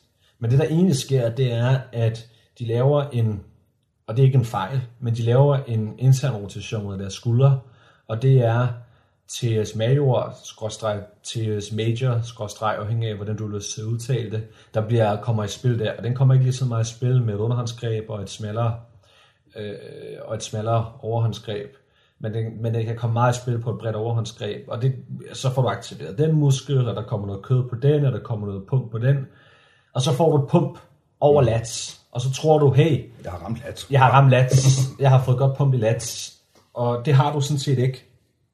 Øh, men det føles måske sådan. Og hvis man er forvirret, hvad fanden, hvad fanden, snakker, hvad fanden snakker han om nu her? Er han, blevet olie, er han langt om længe blevet olieskæv af den MCT-olie, han lige har drukket? Nej, det er jeg ikke. Og, og for at forklare, hvad jeg mener, så kan man kigge på ryggen, kigge på nogle bodybuilder, og så se, at der er en muskel, der popper ud over lats nær armhulen. Og det er den muskel, jeg snakker om. Det er ikke latten, jeg snakker om her. Det er musklen over lats, der, Der er, popper også, der er også mange, der forveksler præcis den muskel med rear delts. Og, altså, men, men nu det, der altid afslører, nej, en af de ting, der afslører, om en person træner ryg, altså træner ryg seriøst, tung dumbbell rows, øh, ordentlige kropshævninger, tung sæt, masser af udtrætning, god volumen, masser af reps også for den sags skyld, versus 3x10 bullshit pulldowns i Technogym øh, kabeltrækket de vil tit være, om der er udvikling af musklen over lats, og om der er kød i lower traps. Mm. Og det man jo øh, ikke sjældent ser, det er, at de her, som man kalder det, diskopumper, folk der satser på øh, diskoteksmusklerne, beachmusklerne, det vil sige biceps og bryst, og måske lidt øh, deltas, de, de nøjes med 3x10 i Technogym pulldown, og det er så deres rygtræning, og så får de en lille smule lats, og det er stort set det. Og Med mindre selvfølgelig, de tager nogle fornuftige mængder krudt, Ja. så, så får de også noget trap 2 og trap 3, fordi, og trap 1 selvfølgelig, fordi der sidder en del androgene receptorer kugler der. ja. Og det er det, man ser nogle gange, det der, noget af det kan man kalde krudtryg. med- Ja, jeg skulle lige sige, at krudtryk, ikke? Man kan se folk, som mangler ben og mangler røv og det ene og det andet, ikke? Men har et fantastisk popping traps 1, 2 og 3. Så Ja. Og det er jo, altså, og det er, øh, det er, det kan være sådan et telltale tegn på, at en person rent faktisk bruger krudt, det er, at nakkemusklerne, altså trapezius, og måske særligt den øvre del af trapezius, pludselig eksploderer. Og det er simpelthen fordi, front delts, ja. det er simpelthen fordi, der er en højere forekomst af androgene receptorer i de muskler. Så når der introduceres et superfysiologisk niveau af androgener, så stimuleres de muskler også til at vokse det mere. Og øh, det er så det, man kunne kalde en krudtryg. Så, men, men, men det er ikke det er ikke nødvendigvis ryggen som helhed. Altså det er, man kan nærmest sige, jo tættere du er på, på halsen, jo mere. ja. Så det er ikke fordi, at ryggen som helhed Men bliver særlig jeg, det, du sagde med, med discopumperdrengene der, beachbody, gutterne, det er, at, øh, at det også tit er dem, man ser, som ender med at få nogle meget, meget fremtrukne skuldre. Hvad hedder det? Kyfotisk, hvad fanden hedder det? Ja, de bliver, de, de bliver bare forberedt, øh, ja. krumrykket. Og det giver jo sig selv, fordi de, de træner bryst, og de træner delts med nogle overhead presses, som primært stimulerer front delts. Ja. Og øh, så er det klart, så får de en stærk og veludviklet pressekæde, og en svag og, veludviklet, svag og underudviklet trækkekæde, og så ryger skuldrene fremad, og man kommer til at se hulbrystet ud, og det er jo kontraproduktivt i forhold til det, man egentlig gerne ville. Altså væv, væv trækker. Det skal man En- huske. en af de få- Altså væv, Ja. muskel, muskelvæv, selv når det ikke... Trækker i knogler. Altså det trækker simpelthen. Øh, så hvis du, hvis du kun trænede din ryg, altså vidderligt kun trænede din ryg og ikke noget front, så vil du blive mere oprejst. Din skulder vil blive trukket mere tilbage. Og sagen er jo den, at strukturelt er der mere kød på, på bagsiden, end der er på forsiden. Så øh, hvis du træner din forside, og du ikke træner bagside lige så meget, som du burde, så kommer du til at blive forberedt, og dine skuldre ryger frem, og du bliver lettere krumrykket, for jeg kan sige endda meget krumrykket. Og øh, omvendt, hvis du træner din bagkæde, som du burde, så kommer du til at stå, uden at du i øvrigt behøver at tænke over det. Ikke? Nogle folk siger jo det her med, at god holdning, det er en vane. Nej, det er det ikke. Det, det hjælper. God holdning, det er en stærk ryg. God holdning, det er en stærk ryg, fordi hvis der er tilpas meget væv på, på ryggen og på Så retter det bagsiden, kroppen op. så retter det kroppen op. Så er det, man kan sige, der er også en komponent af det, som er, at man skal vende sig til det, altså trække skuldrene lidt tilbage, brystet frem og gå rank. Men god holdning er i langt højere grad et spørgsmål om, at musklerne er tilpas hypertroferet og Ja. stærke. Apropos historier fra back in the day, der i start 90'erne, da jeg trænede i sportsklub, der fik jeg rigtig mange dårlige råd. Og øh, folk trænede noget, Det tror jeg gerne på. noget virkelig klovnetræning. Men der var, der var nogle få fyre dernede, der havde styr på deres lort. Blandt andet ham, vi kaldte Skuret, som var et kæmpe stor krudtcontainer. Og han sagde til mig og min kammerat, Navnet peger lidt i den retning, må man sige. Præcis, han var også skaldet og gik i skovhuggerskjorter og læderbukser og sådan noget, som man skulle dengang. Men han sagde til mig med Mark og Ulrik, at øh, Er det et dårligt råd, vi kommer ind på nu her? eller godt, det er, nej, at godt det er bedre, I træner lidt mere ryg end øh, bryst. Ja. Det var sådan, han formulerede det, men det, det han mente med det, var jo simpelthen, at hellere have, at jeres ryg er en smule stærkere end brystet end omvendt. Ja. Så hvis du laver 30 sæt til patterne, jamen så lav 40 sæt til ryggen.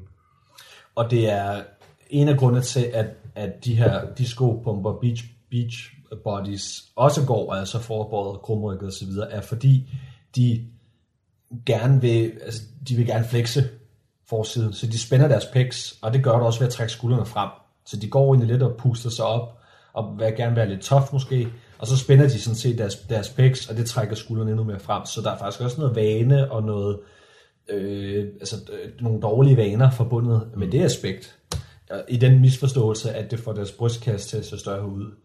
Og det gør det ikke. Deres brystkasse kommer til at se mindre ud. Det gør, at deres brystmuskler Der kunne de lære noget af Mike Katz, om hvordan man får en bryst til at se stor ud. Ikke? Og han ligner æder med noget, der var løgn i øvrigt. Han, øh, det kan man så selvfølgelig ikke se nu, men jeg vil med glæde lave en, en demonstration. Jeg har tit lavet min berømte Mike Katz impersonation, som går ud på, at du fylder lungerne med så meget luft, at du er ved at springe i luften, og så hamrer du brystet sådan helt op i loftet, og så går du rundt, så jeg prøver at ligne en Men det er sådan en meget gammeldags, stærkmandsagtig måde at, at virke stor på. Det var at, at, at, at man pusse sig op. Så man bare stå wow, og pusse sig op. Det er så meget turn of the century. at stå og pusse sig op, og så som om, hold kæft, hvor han stor på se. Men dengang var det ikke så meget, at du havde store brystmuskler. Det var en stor bryst. Det var en stor brystkasse. Det var maskulint. Det er jo det, der er pointen, og det, og det er der mange, der i dag, der er klar over. Dengang handlede det ikke om, at du havde øh, store pecs. Det handler om, at du havde en stor brystkasse. Ja. Så derfor, når man ser billeder fra det gang, så står de jo med sådan altså kæmpe, som man siger, franskbrød under armene, armene ud til siderne, og så står de og puster sig op, samtidig med, at de suger maven ind. Og øh, det her, det var også i gamle dage, og det kan du måske også huske fra Arnolds, øh, velintenderede, men knap så gode råd. Expand your ribcage. Ja, når med pullovers. Med pullovers. Yes, du skal udvide sin bryst, brystkasse med, med pullovers. Og, og jeg, jeg kan ikke huske, jeg kan ikke huske, øh, hvem det var i øvrigt, der var særlig ambassadør for det, fordi det, var, det her det var forud med, altså i Anders tid, der gik de også op i det, og de troede på det. Hvem, hvem fanden var det nu? Det var, altså Arnold gik også op i det, og han troede på det, men det var i bogen Super Squats af Randall Strossen, er det der, hvor de lavede Hvor the han- squats and pull-up Nej, challenge? ikke squats and pull-ups. Du skulle lave Squats squats, and pullovers, ja. Squats og pullovers. Så du lavede en 20 rep breathing squat, og så skulle du lave et sæt pullovers for at expand your rib cage. Back to back, ja. Og så var, havde du lavet en full body workout. Og der kan jeg så afsløre, kære venner, at den fasons merit er ikke koblet op på pulloveren, men, men 20 rep breathing squat sættet. Og det er det. Hvad hed han? øh, Mike Mentors træner, Jones. Arthur Jones. Ja, han, han mente jo også, at uh, Nautilus pullover machine, det var ja. the upper body squat. Ja. Det er fucking bullshit, altså den træner lats. Men han var med med også på mange punkter en idiot. Han altså, var en madman. Han var, og han var, han var, han var, han var skør, han var madman, og han var racist, og han var binde fucking gal. og elskede Ayn Rand og ja, boede-. Boede et eller andet sted i Florida, omgivet af alligatorer, og han skulle jo engang, han, han havde jo sådan en meget sådan intellektuel, måske vi skal snakke om det på et andet tidspunkt også, men han havde jo intellektuel fight på et tidspunkt med Fred Hatfield. Fred Hatfields pointe var jo at gå til træning videnskabeligt metodisk, og så i øvrigt fuldstændig kompromilløst. Og han vidste jo godt, at styrke var et ekstremt, og hvis ikke I ved det, så kan I få den sandhed at vide nu. Styrke er et ekstremt specifikt fænomen. Ekstremt specifikt. Og Fred Hatfield kunne rep 1000 pund i back squats uden udstyr. Men han var meget, meget, skal vi sige, svag. Det var det forkerte ord at bruge. Men han kunne jo løfte meget få kilo i en seated leg extension. Ja. Og Arthur Jones i sit storhedsvandvid og kombineret med usigelig stupiditet. Ikke så meget uintelligens. Han var sgu nok intelligent nok, men han var bare dum i praksis. Øh, målte så Fred Hatfields leg extension styrke og sagde til ham, hey Fred Hatfield, øh, din ben er, du har en samme benstyrke som en øh, 45-årig kvinde. Altså en gennemsnitlig 45-årig kvinde. Og det troede Arthur Jones på. Altså, så langt ud var han. Og det var bare sådan noget, okay. Jeg mener faktisk også, at altid han gik rundt med en skarpladt revolver. Ja, det fordi- siger rygtet i hvert fald. Fordi han simpelthen bare var bindegal. Overbevist om, at alle ville myrde ham. altså. Ja, og så var han vist også flittig, flittig bruger af The N-word. Oh, ja. Han var simpelthen bare en inkarneret racist og øh, skør. Han mente jo også, at den bedste og mest optimale træning, det var at holde sig til stort set isolation i maskiner. Ja, du skulle lave et sæt cirka hver 30. dag eller sådan noget. Ja. Så havde du... øh, Ja, Der er mange, der det har... videreført Mike Cato, som øh, hvis folk, der var en, der sagde, en af hans øh, elever, eller hvad man kalder det, som sagde, jeg kan ikke få min øh, Mener du Mike vokse." Mentor? Mike Mentor, ja. ja. Jeg kan ikke få min kaffe til at vokse, så hold op med at træne dem. Ja. så, så husk det. Ikke? Øh, Hvis jeres læge ikke vokser, så skal I bare lade være med at træne den. Nej, det er, men nu skal vi tilbage til, til rygtræning. Øh, straps, straps, straps, straps. Jeg bruger straps på stort set alt, der involverer greb. Bortset fra onani. Øh, der er ikke straps, øh, men det, man kan sige, der, der er greb måske heller ikke rigtig sådan en, en faktor på den måde. Men straps i rygtræning, øh, jeg oplever jo, altså den her, det er, det er lidt en myte, at, at straps det hæmmer dit grebsudvikling. Fordi hvis du bruger straps rigtigt, rettere sagt, straps kan være en krykke. Men hvis du spænder alt du kan i grebet også og bruger straps rigtigt, så behøver brug af straps ikke kompromittere udviklingen af hverken underarmsmuskulatur eller grebstyrke. Tværtimod kan man indvende, at hvis man ikke bruger straps, så kompromitterer man sit øh, løft, fordi, lad os sige, du laver pull-ups, eller du laver pull-downs, Ja. at dine underarm og dine hænder bliver trætte før dine lats og dine upper back grupper. Præcis. Så har du ikke moshet alt det ud af dem. Som Præcis. Jamen præcis. Ja. Og så har du også øvet sådan noget som shrugs. Ja. Altså, og det er, den her, det er det her bullshit dogmatik med, øh, du skal ikke bruge straps. Øh, straps are for pussies. Så okay, men og så nogle gange, ah, men så nogle gange, så har de ikke desto mindre et kompromis på plads. Der er der et ord for den slags bullshit, Simon. Et moderne ord. Ja, Toxic masculinity. jeg vil være... det er toxic masculinity, fordi det er, Ja, enormt, det er det. det er enormt maskulint at lave nogle tunge shrugs. Men det er også enormt maskulint at vide, at man får flere reps, hvis man har straps på. Og derfor er det idioti og dermed toxic masculinity ikke at bruge sine straps. Jeg vil også kalde det toxic stupidity. Endda, ja. Men nogle gange så de her, de her øh, personager, som mener straps er for pussy, så ikke desto mindre så nogle gange, men, men lige præcis på power shrugs, der er det okay. Så, Nå, okay, jamen, så det var en, det var en sjov objektiv distinktion. shrugs. Lige præcis på power shrugs eller shrugs, så er de okay, men, men snakker vi kropshævninger, eller øh, dumbbell rows, eller machine rows, nej, nej, så straps for pussies. Og jeg vil jo sige, øh, de folk, der har mest travlt med at pege på, at noget, noget er for pussies, der er noget, et, eller andet, et eller andet aspekt af, at toppen tynder buller mest, og gør mest opmærksom på sig selv. Så hvis du har sådan Det har Freud et ord for. Det hedder, det hedder projicering. Øh. Det er, at du er skide bange for at være en tøsdreng, og derfor så vil du gerne kalde folk nogle tøsdrenge. Straps er i Et mine øjne, er, det, er, det, er straps nødvendigt for at træne ryg? Nej, men det er nødvendigt, hvis du skal træne din ryg optimalt. Ja. Hvad mindre du er født med usigelig god grebstyrke. Husk også lige, at grebstyrke er altså også et produkt af, simpelthen, hvor stor er din hånd. Ja. Hvor stor er din, hvor stor er din fucking hænder du har, desto mere har du at gribe med. Og, og, og det, så, så det her med at sammenligne en persons grebstyrke med en anden, altså sådan, som om det er sådan en homo geneticus, vi er alle sammen bygget ens, samme anatomi, samme hænder osv., det, det er nonsens. Øh, og straps, anvendt også korrekt, kan også øge kontakten til rygmusklerne. Præcis. Og det er faktisk god gammeldags, Blandt andet fordi det tillader at køre thumbless. det gør det, det er god gammeldags mind, må måske mind lige muscle. sige et par ord om det specifikt. At i rigtig mange øvelser, det er øh, rygøvelser, pull-ups og det ene og det andet, der er det en god idé at lære sig at lave dem thumbless. Fordi det øh, tager en lille smule af stresset fra biceps og flytter over på ryggen. Og du får bedre kontakt til de, ja. de rygmuskler, du skal Og til. når du kører thumbless og med straps, jamen altså, der er en verden til forskel på, når jeg kører pull-ups, overhand, wide grip overhand pull-up, med øh, tommelfingrene flettet om stangen uden straps, og når jeg gør det med straps og thumbless. Jeg kan simpelthen mærke, at min ryg arbejder bedre i Ja. strap-thumbless-varianten. Ja. Der er også nogle øvelser, for eksempel seated øh, close grip øh, med batmobilrettet cable ja. row. Den, den vil jeg typisk lave thumbless, men uden straps, fordi der føler jeg egentlig ikke strapsene bidrager så meget, fordi jeg kører så let, at mine øh, hænder ikke trætter ud, så der gider jeg simpelthen ikke sidde og bokse med at få strapsene på. Så vil jeg hellere bare hamre en helvedes masse reps af og køre noget dropset. Men det er, det er temperamentsspørgsmål. Men der er altså, det man, det man heller ikke skal glemme, det er, at du har også, din krop har et begrænset neuralt output. Og den energi, der er brugt på, at du skal holde om den 115 kilos vægt, du skal dumbbell row, er energi, du ikke har brugt på at kontrahere rygmusklerne. Nu skal lige hurtigt indskyde, at det er ikke en fordel at køre thumbless på dumbbell rows. Nej, nej, nej, for guds skyld. Og de øvelser, jeg kører thumbless i, når vi snakker rygtræning, det er bredt overhåndsgreb, og det er medium overhåndsgreb. Så er det diverse øh, cable rows, typisk, altså med elbows out, cable rows. Kan også være det med elbows in, barbell bench rows, og så videre.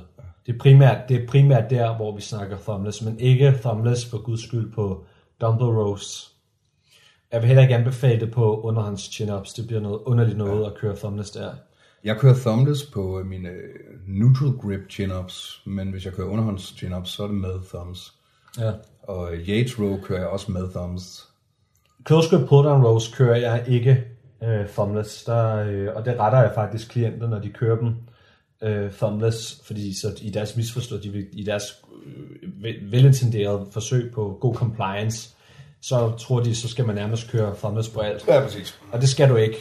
Så der, der retter jeg dem faktisk og siger, at de skal holde ikke thumbless, men til gengæld straps. Ja. Og jeg vil sige, men subjektivt gør det nok gør det også noget for kontakt til rygmusklerne at holde thumbless, og så ikke bruge straps, sådan som du nævner, i forhold til close grip pull downs. Øhm, og altså det, det der også er, men det der også er med, med, med greb, det er, at, at når jeg har lavet mine øh, øh, Barbarian back workouts, som jeg gjorde som en almindelig ting tilbage i, i en 3-4 år nok i træk faktisk. 4 år, 8, 9, 10 og 11 vil jeg sige. Ja, det er Øh, 3,5-4 år kørte jeg de her, så det vil sige, hver mandag eller tirsdag var dedikeret til rygtræning, og kun rygtræning. Så det var øh, udgangspunktet, det var en 50 sæt ryg.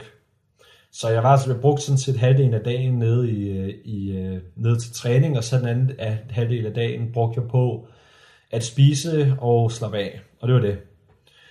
Og grebet kan bare ikke, altså mine rygmuskler havde en større arbejdstolerance, jeg kunne opbygge en større arbejdstolerance i rygmusklerne, end jeg kunne på grebet.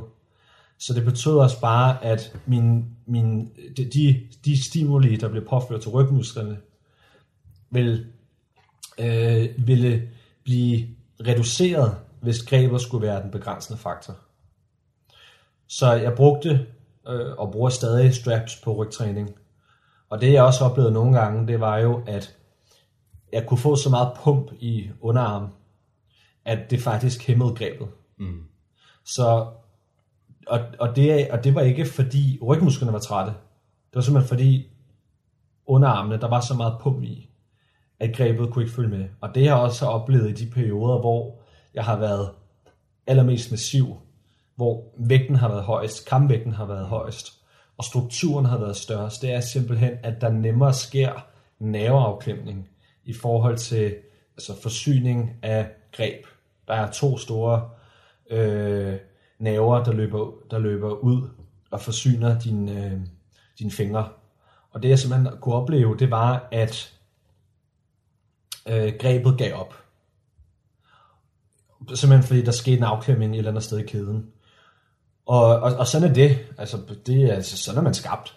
Og, og det er sådan noget, man må døje med, og det er sådan noget, man må prøve at finde nogle løsninger på. Som for eksempel at tabe sig fast til starten. Nå, gud ja, ja.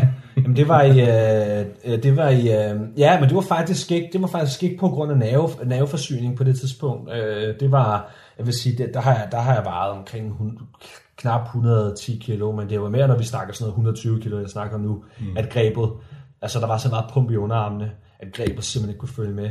Men jeg kan godt huske, at jeg kørte, øh, det var, øh, da jeg kørte de her Barbarian back workouts med Hunger, hung, hunger Kimse. Hungi? Hungi og Gimdi Gimse.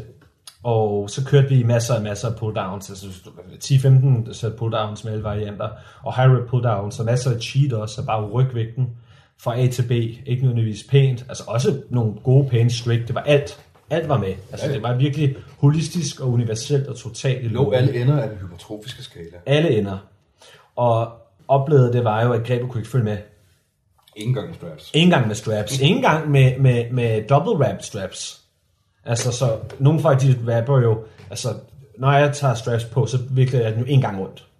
Men hvis jeg virkelig skal kunne holde fast, så er det to gange rundt for at få den ekstra friktion på, at strappen den er bundet og holdes fast. Men selv ikke med, med double wrap straps kunne jeg holde fast, Du skulle have haft nogle figure eights, men de fandtes ikke dengang. Så, så det, er- det, er- det, er- det, der skete, det var, at øh, jeg fik, øh, jeg fik øh, Hunger og Kimse til at øh, tage gaffatape, og så tape mine hænder fast til pull-down-stangen. Og så kunne jeg jo ligesom bare stå der mellem sæt og lige restituere og så videre, og så køre mit sæt igen, og stå der og restituere, og så køre mit sæt igen, for at jeg kunne få afviklet de sæt, uden at, øh, uden at grebet det skulle hæmme mig. Øh, men det var, Altså mine, mine Barbarian back workouts med de der, target var typisk 50 sæt. 50 sæt rygtræning. Nogle gange kom jeg faktisk op på en, jeg tror 60-65 sæt, men, og andre gange var det så at sige kun 35-40 sæt, men så var det også med, med noget sådan noget høj rep Cheeto dumbbell rows til at starte med, eller masser af tunge kropshævninger, chin-ups og så Jeg kan også lige, uden, uden, at, uden at gå i detaljer med det, kan jeg indskyde, at det, det faktisk gør, give mening at gå efter lidt flere sæt med, med sådan super high reps, altså 20 plus i rygtræninger, end det vil gøre i øh, pressetræninger, i bryst- og Ja. skuldertræninger. Ja. At, øh, og det er der et hav af fysiologiske forklaringer på, men der er ingen grund til at kværne rundt i det. Men det giver mening, hvis du, hvis du laver en eller anden øvelse, hvor du laver 10 sæt, eller 8 sæt, eller et eller andet, så lad ja. de sidste af dem være i nærheden af 20 reps. Ja, det er enig. Eller mere. Altså, En, absolut enig, ja. jeg, har, jeg har lavet finishers på 50-70 reps i rygtræninger, i pull-downs og dit og der. ja, ja. Og det er, jamen altså, det, det, Og det er typisk folly i presses. Ja. Og køre så høj reps. Det bliver noget, lort. det bliver noget shade, prøvet. som man siger i Skotland. Shade. Shade. Og, men de her, de her barbarian back workouts, altså target, det var typisk 50 sæt, og øh, selve træningen plejede at vare en 4 timers tid, tror jeg.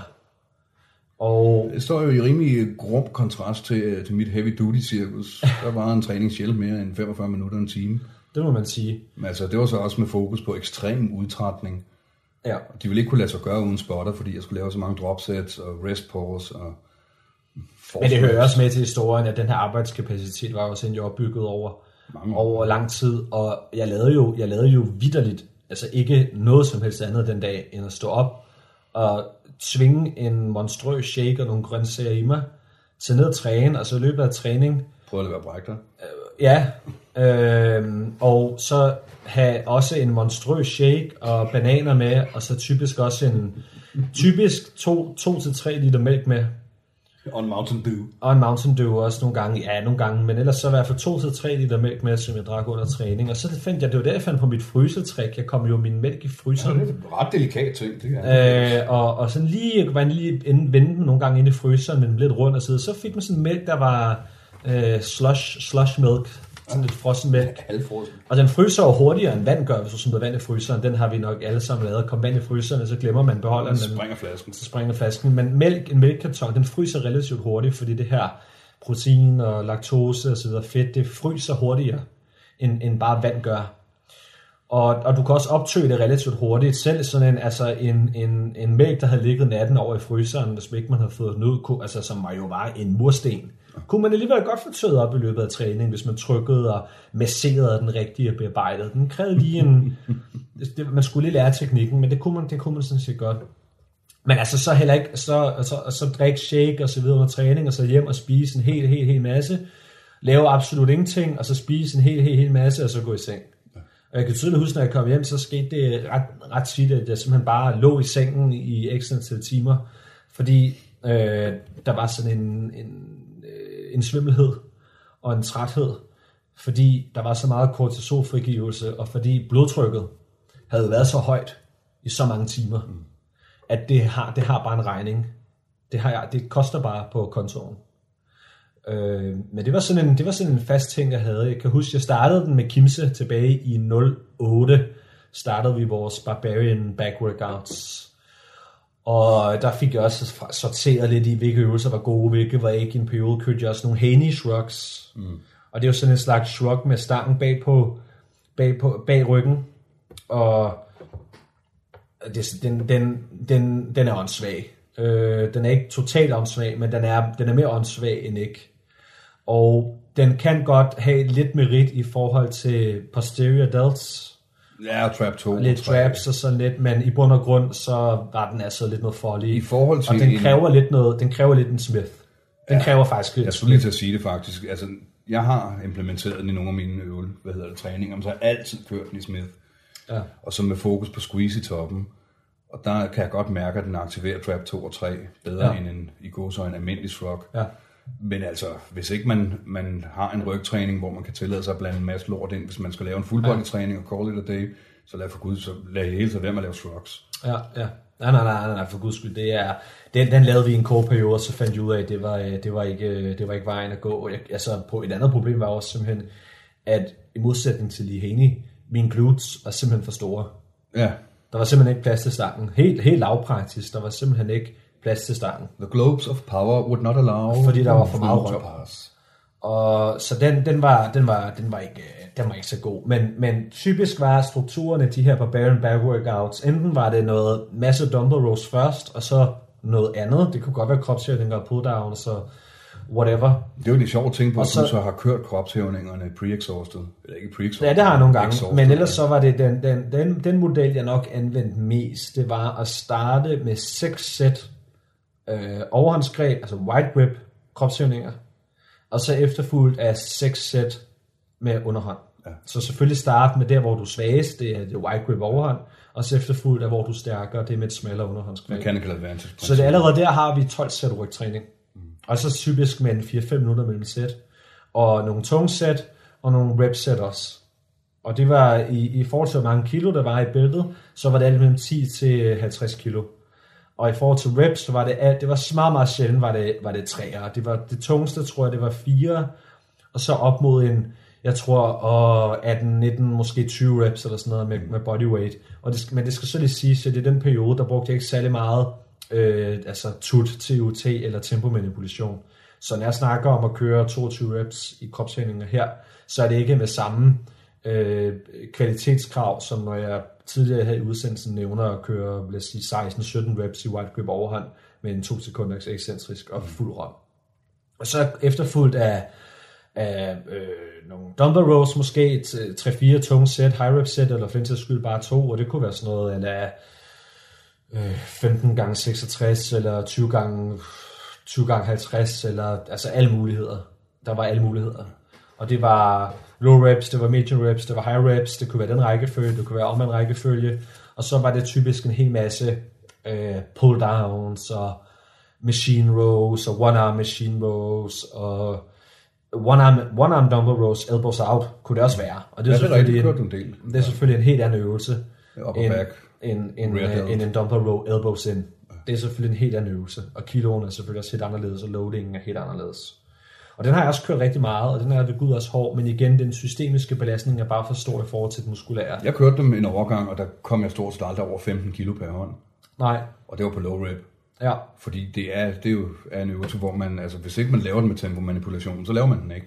Så laver man noget andet. ja men det er rigtigt, det, det er fuldstændig rigtigt. Fordi og, der skal squeezes i toppen, ja. og der skal... Ja. Ja, det er rigtigt. Det er rigtigt. Og øh, det skal så også lige siges, at, at i de her perioder med, med, med sådan nogle øh, øh, øh barbarian back workouts, en en af de ting, før, før alt det her, her skal vi tilbage til, jeg tror 2007, eller måske starten af 08, det jeg gjorde, det var, at at øh, på det tidspunkt, der var der lidt nogle teorier, som ikke nødvendigvis er blevet modbevist. Det kan godt være, at de holder i retten, hvis man kom så vidt. Men det var sådan en slags weighted hang, som jeg også nogle gange har sat klienter til. Og det man simpelthen gør, det er, at man strækker ryggen i en usigelig grad. Ved at du hænger med straps, double wrap straps, så hænger du med sådan et medium wide-ish overhåndsgreb i en pull-up, øh, i en pull-up station. Og så hænger du bare i 20-45 sekunder med en hel masse vægt i bæltet. Og så lader du den strække dig. Og teorien er, at du skulle, du skulle kunne få øh, bredere lats af det, du skulle kunne få en bredere ryg. Mm. Og holder teorien, og formentlig ikke, muligvis, men det den gjorde for mig sjov nok, det var, at jeg fik en bedre kontakt til rygmusklerne. Jeg skal ikke kunne klarlægge, hvad mekanismerne er, men jeg fik en bedre kontakt til rygmusklerne. Når jeg sætter folk til at lave dem i dag, så er det typisk mere noget med at modvirke, at Altså fordi mine, mine klienter sætter jeg til hård rygtræning, der er god volumen, det er seriøst, så deres ryghypertrofeer, det der nogle gange sker, det er, at deres rygmuskler bliver simpelthen så stramme, at de kommer til at mangle noget overhead mobility. Så den måde, den måde at modvirke de begrænsninger, der simpelthen sker i smidighed. Man kan indskyde omkring det, omkring stræk og mobilitet i det hele taget, at stræk er sundt. Og Ja, det er måske. medvirker Altså, Ja. for, altså, hvis du spørger mig, er det sundt? Ja. Umiddelbart, ja. Selvfølgelig, Umiddelbart, kan, det, ja. selvfølgelig kan det, man kan overgøre det, og man kan ja. gøre det forkert osv. Men sådan en, en baseline på det, det er at kigge på yogafolk. Man kan mene om dem, hvad man vil. Men hvis de har bevist én ting, uden sådan at se bort fra alt det spirituelle kundalini bullshit, så øh, har de bevist, at øh, stræk er sundt. Og så øh, lave de der weighted stretches, weighted dead hangs, hvad man Ja, kalder weighted dem. hangs, jeg kalder det med. Ja, det er, jeg har også gjort det, og det er, udover det, som Simon siger, det har sine meritter, så føles det også enormt lækkert. Jamen, det, det er, der er en eller anden subjektiv ting ved at hænge der, og så mærke det der stræk. Jeg kan sige, den måde, grund til, at jeg applikerer den i dag, og så sætter folk til at lave den, det er for at få øh, lavet et, et, et, et, for, hvad skal man sige, restaureret, eller for den sags skyld, bare etableret en overhead mobility. Fordi hvis du træner din lats, altså lats har også den funktion, ligesom en nautilus pullover. Dine arme er oppe, og så bliver de ført ned foran dig, og kommer ned til din hoftekam. Så, så hvis du træner rigtig, rigtig, rigtig meget, lats og så videre, ryg, så, er det der, så, så, så bliver, kan du også godt blive lidt foroverbøjet. Der, du kan miste noget overhead mobility. Så den måde at modvirke det på, det er simpelthen at lave de her weighted hangs.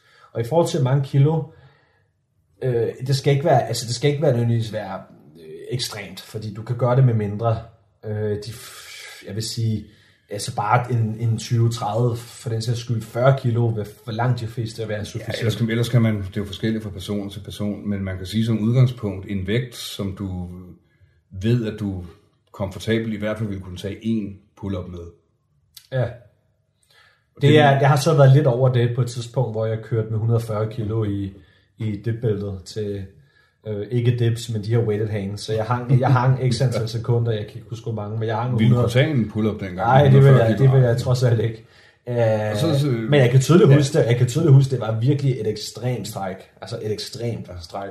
Men pointen er, at man skal lade vægten strække ind. Du skal hænge, og så skal du lade vægten strække dig.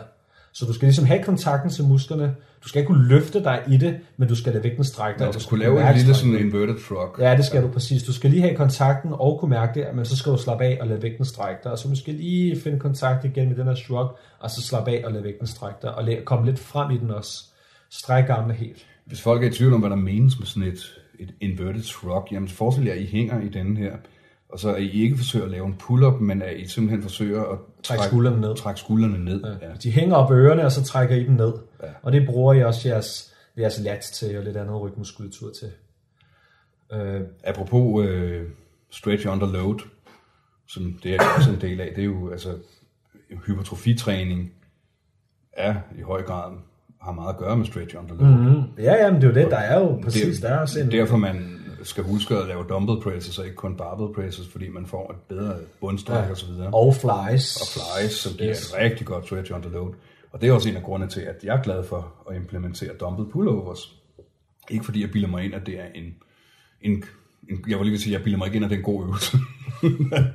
Nej. Men fordi, altså i bund og grund, det er ikke, nej, isoleret set er det ikke en særlig god øvelse for lats, eller for brystmusklerne, som nogen troede engang var for. Den aktiverer i det store hele ikke særlig meget pec. Den aktiverer en god del pecminer, og det kan der være noget sundt i. Den aktiverer, som jeg tidligere har nævnt, noget af triceps øvre hæftning, og det kan være sundt. Men noget, den også gør, det er, at den giver et forbandet godt stretch under load i bundpositionen mm.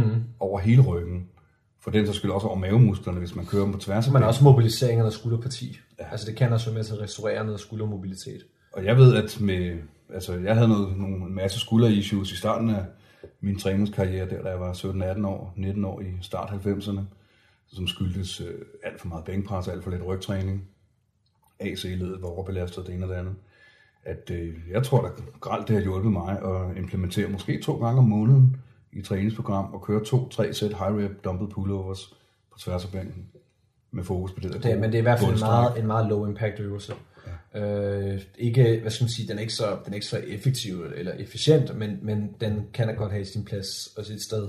Men alt det der old school, Bullshit. alt old school bullshit om ribcage expansion, og, og at, at glem det, altså kan jeg venner, Det er glem, ikke en brystøvelse. glem det, det er, det er, Nej, det er det ikke. Altså, der kan godt komme lidt pump i det, men jeg vil noget andet af søge også. Jeg vil sige, at der er rigtig mange, der laver den forkert. Der er rigtig mange, der laver pullovers forkert. Øh, Jeg foretrækker at lave den. Jeg har en meget, meget simpel opskrift, jeg sætter, jeg sætter klienter til, og selv bruger i det omfang, jeg træner den. Og det er 15-20 reps typisk, ja. og det er øh, 3 sekunder ekscentrisk. Og så er det at ligge, du vil pege at ligge øh, hen over en bænk, altså som, et, som i et X, Ja. hvor jeg foretrækker at ligge i forlængelse af en bænk, og sætter også folk til at ligge i forlængelse af en bænk.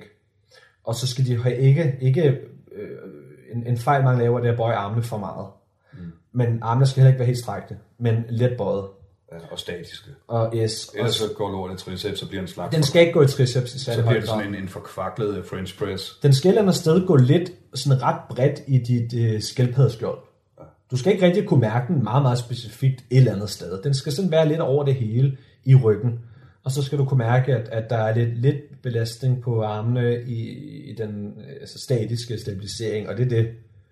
Øh, og, men en anden ting er også, at, at øh, det der kan ske, det er, at dine fødder jo løfter sig, fordi du, du har en tung vægt i den anden hånd, eller i hænderne. Mm. Så, så der kan også være nogle balanceproblemer her, og det jeg foreslår, man gør, det er, at hvis man for eksempel har et dumbbell rack, eller et eller andet andet stativ, hvor man kan fixere fødderne under, Er en så, skub, så skub bænken hen. Du har mange gange kørt den, hvor jeg har holdt dig på knæene, ja. og så holdt dig nede. Og det er jo fint nok. Men der er altid en menneskelig faktor i den forbindelse, fordi hvis ikke det er mig, der står og skal spotte, så er du enten nødt til at finde en anden, der er pålidelig, eller også så skal du ligesom lave terningekast og finde en eller anden random bozo i, i, i træningscenteret.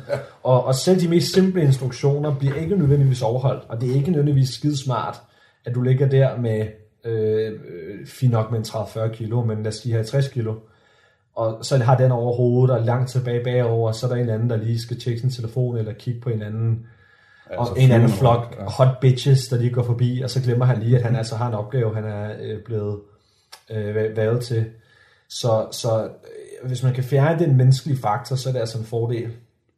Og det er simpelthen så at sætte fødderne ind under noget dumbbell rack, øh, et eller andet rack, whatever. Altså bare noget, der, der fixerer dine fødder. Det er altså også bedre, end at der er en, der holder dine fødder nede. Fordi det vil aldrig være helt statisk, hvor meget dine fødder bliver holdt nede. Jeg altid, jeg foretrækker at kunne Fixere dem under noget. fixere det er bedre. eller andet. Jeg har engang forsøgt at fixere fødderne under to håndvægte. Det, Nej, det det var, var noget lort. Ja, det, det, det er ikke godt. Det er ikke godt. Og hvad med, øh, man kan sige, jeg har jo, jeg har jo længe, og gør stadig oftere end ikke det, at jeg træner i ret meget tøj. Jeg har meget tøj på, når jeg træner. Jeg vil helst træne nøgen, men det... Og du vil helst træne nøgen, men det tillader, Gymnasium, det tillader, det tillader det gamle vores, ja, græske. ja, de gamle grækere. Det jo, gymnasium var jo nøgensport. ja, det betød nøgen. Det betød jo nøgen. Ja, et sted, hvor man er nøgen. Et sted, hvor man er nøgen. Og så husk det næste gang. I skal, husk det, I er, der går på gymnasiet. Ja, I skal ikke være, have I, tøj på. I har faktisk en fuldstændig øh, en, øh, plausibel, øh, underbygget forankring i historiske kendskærninger Jeg, jeg vil sige det på den her måde, I kan sammenfatte det, især hvis jeres latin eller græ- oldgræsk, jeg kommer til at sige, Ja. jeg har en etymologisk forpligtelse til at afklæde mig selv på Yes. dette sted. Det har du. Så husk det også i idrætsundervisningen, når I skal ind og smide tøjet. Du har faktisk, og endnu særligt, kan man sige, i forbindelse med idrætsundervisning, Præcis. har du lov til at gå ind Splitter nøgen.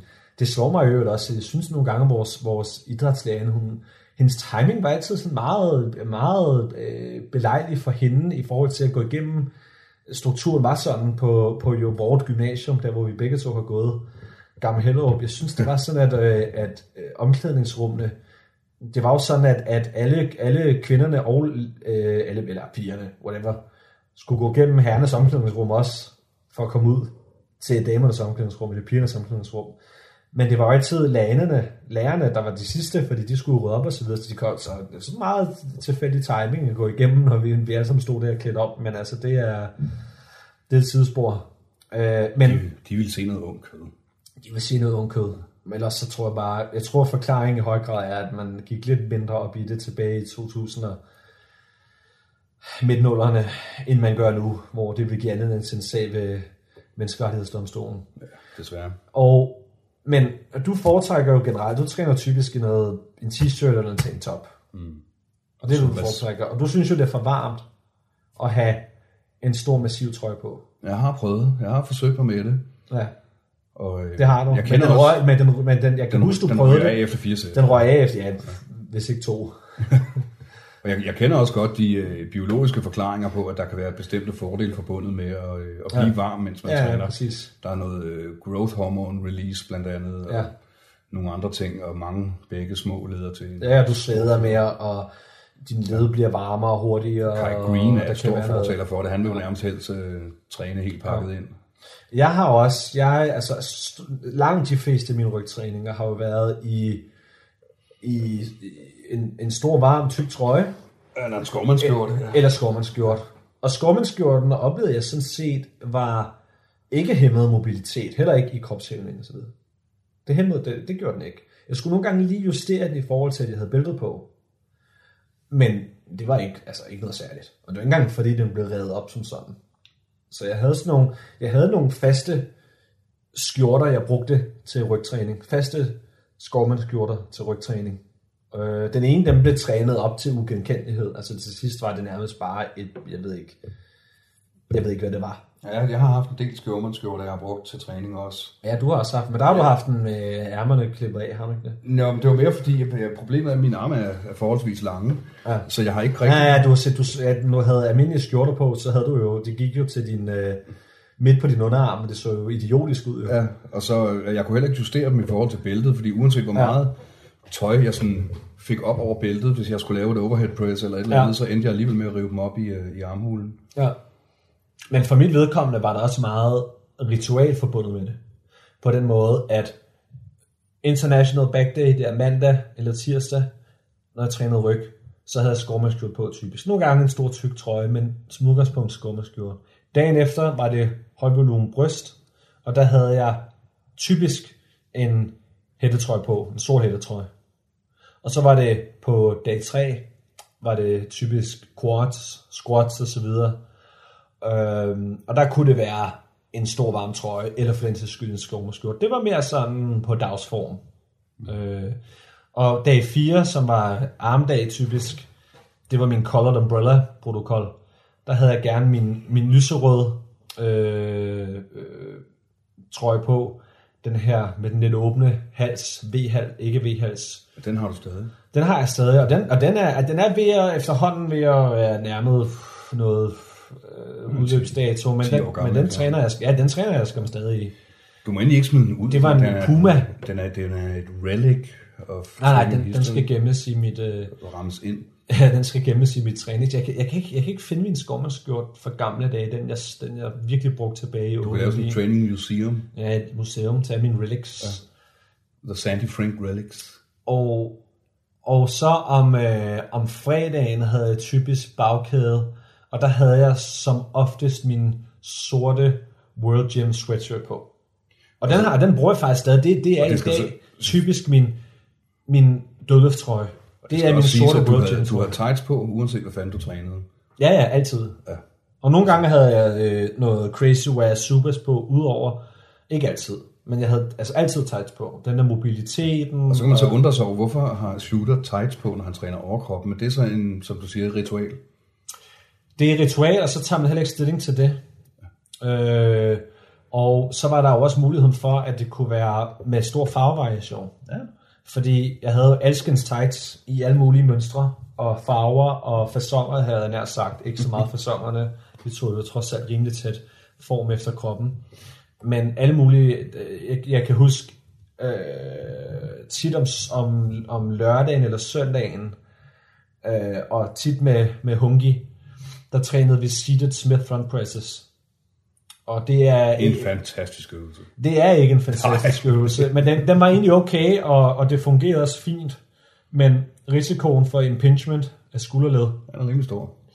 ja, jeg ved ikke, om den er rimelig stor, men, men selv, med korrekt, selv med korrekt teknik, selv med god afvikling, så, så er der bare en risiko for på sigt, at du får noget impingement. Og jeg kunne mærke, Jeg har at selv kørt den en del. Ja. skuldrene endte med ikke at være særlig glade for at lave den. Og det er synd, fordi jeg kunne huske, at jeg lavede jo sådan noget, jamen hvad, jeg, jeg, 8, 12, 15 sæt på den, eller andet den stil. Og det var jo alt mellem sådan noget 15 reps på, jamen jeg kan snart ikke engang huske det, vi skal tilbage til 2009-10, jeg bare jeg skulle huske den slags. Men jeg var vist op på en jeg tror, jeg var på en, en femmer på 140. Femmer, ja, femmer på 136, tror jeg måske, en 4 på 140. Jeg, Og så jeg, jeg er ret 10, sikker på, 15 at, på 100. at de tungeste, du 105. lavede, det var 140 på den, fordi det læste jeg i din Ja, ja, jeg tror, Jeg tænkte, ret. Jesus Christ, det er altså tungt i en, Ja, ja. en front press, også om det er en Smith. Men det var en city, ja, og det var, det var full range of motion, og det var ikke noget, øh, det var ikke en, altså, det var ikke en incline press, det var ikke, hvor jeg stod og, øh, altså, jeg sad ja. i en meget høj incline og lavede en seated Smith front skulderpres. Og Det er en øvelse, der rammer godt. den der rammer godt, og hvis min skulder kunne holde til det, så ville jeg begynde at lave den, men det går ikke.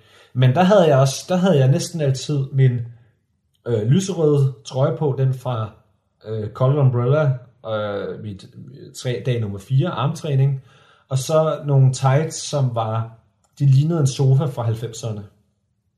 Sådan en 90'er sofa. Så det var sådan noget, det var noget lilla, og det var noget blåt, og forskellige slags lilla, og forskellige slags blåt, og lidt grønt i. De var altså ugud, ugudeligt grimme. Ugudeligt grimme.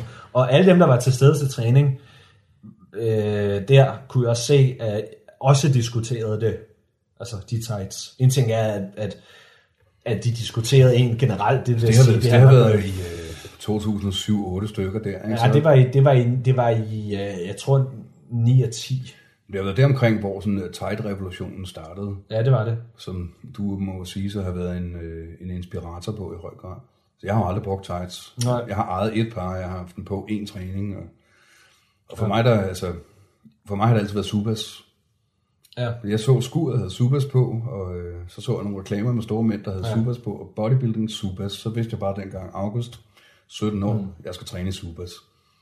Og jeg. Men jeg kan godt huske, at, at, at Tights-revolutionen faktisk, jeg, jeg tror, jeg, jeg var med til at starte den i omkring 08, Ja, det passer meget godt. øh, og så røg den videre til The Gym, Ja, så gik de helt amok på tights. og det blev sådan en helt tights thing, også på Roskilde, når de skulle på Roskilde, så havde de øh, tights, altså og så rendte de rundt der i tights, og, og så spredte det sig sådan lidt derfra. Og så har der selvfølgelig været noget med CrossFit også, men det var jo den her, hvad skal man kalde det, pe- pekuliære fasong, som er at have tights på, og så shorts, Board shorts, vil jeg board shorts på. er jo sådan, jeg vil gerne- jeg vil gerne vise mine ben frem og træne med, begræ- med, med fri mobilitet, men jeg vil gerne også ikke. Ja, eller jeg vil gerne følge tights-moden, men I må ikke rigtig se mig have tights på. Nej.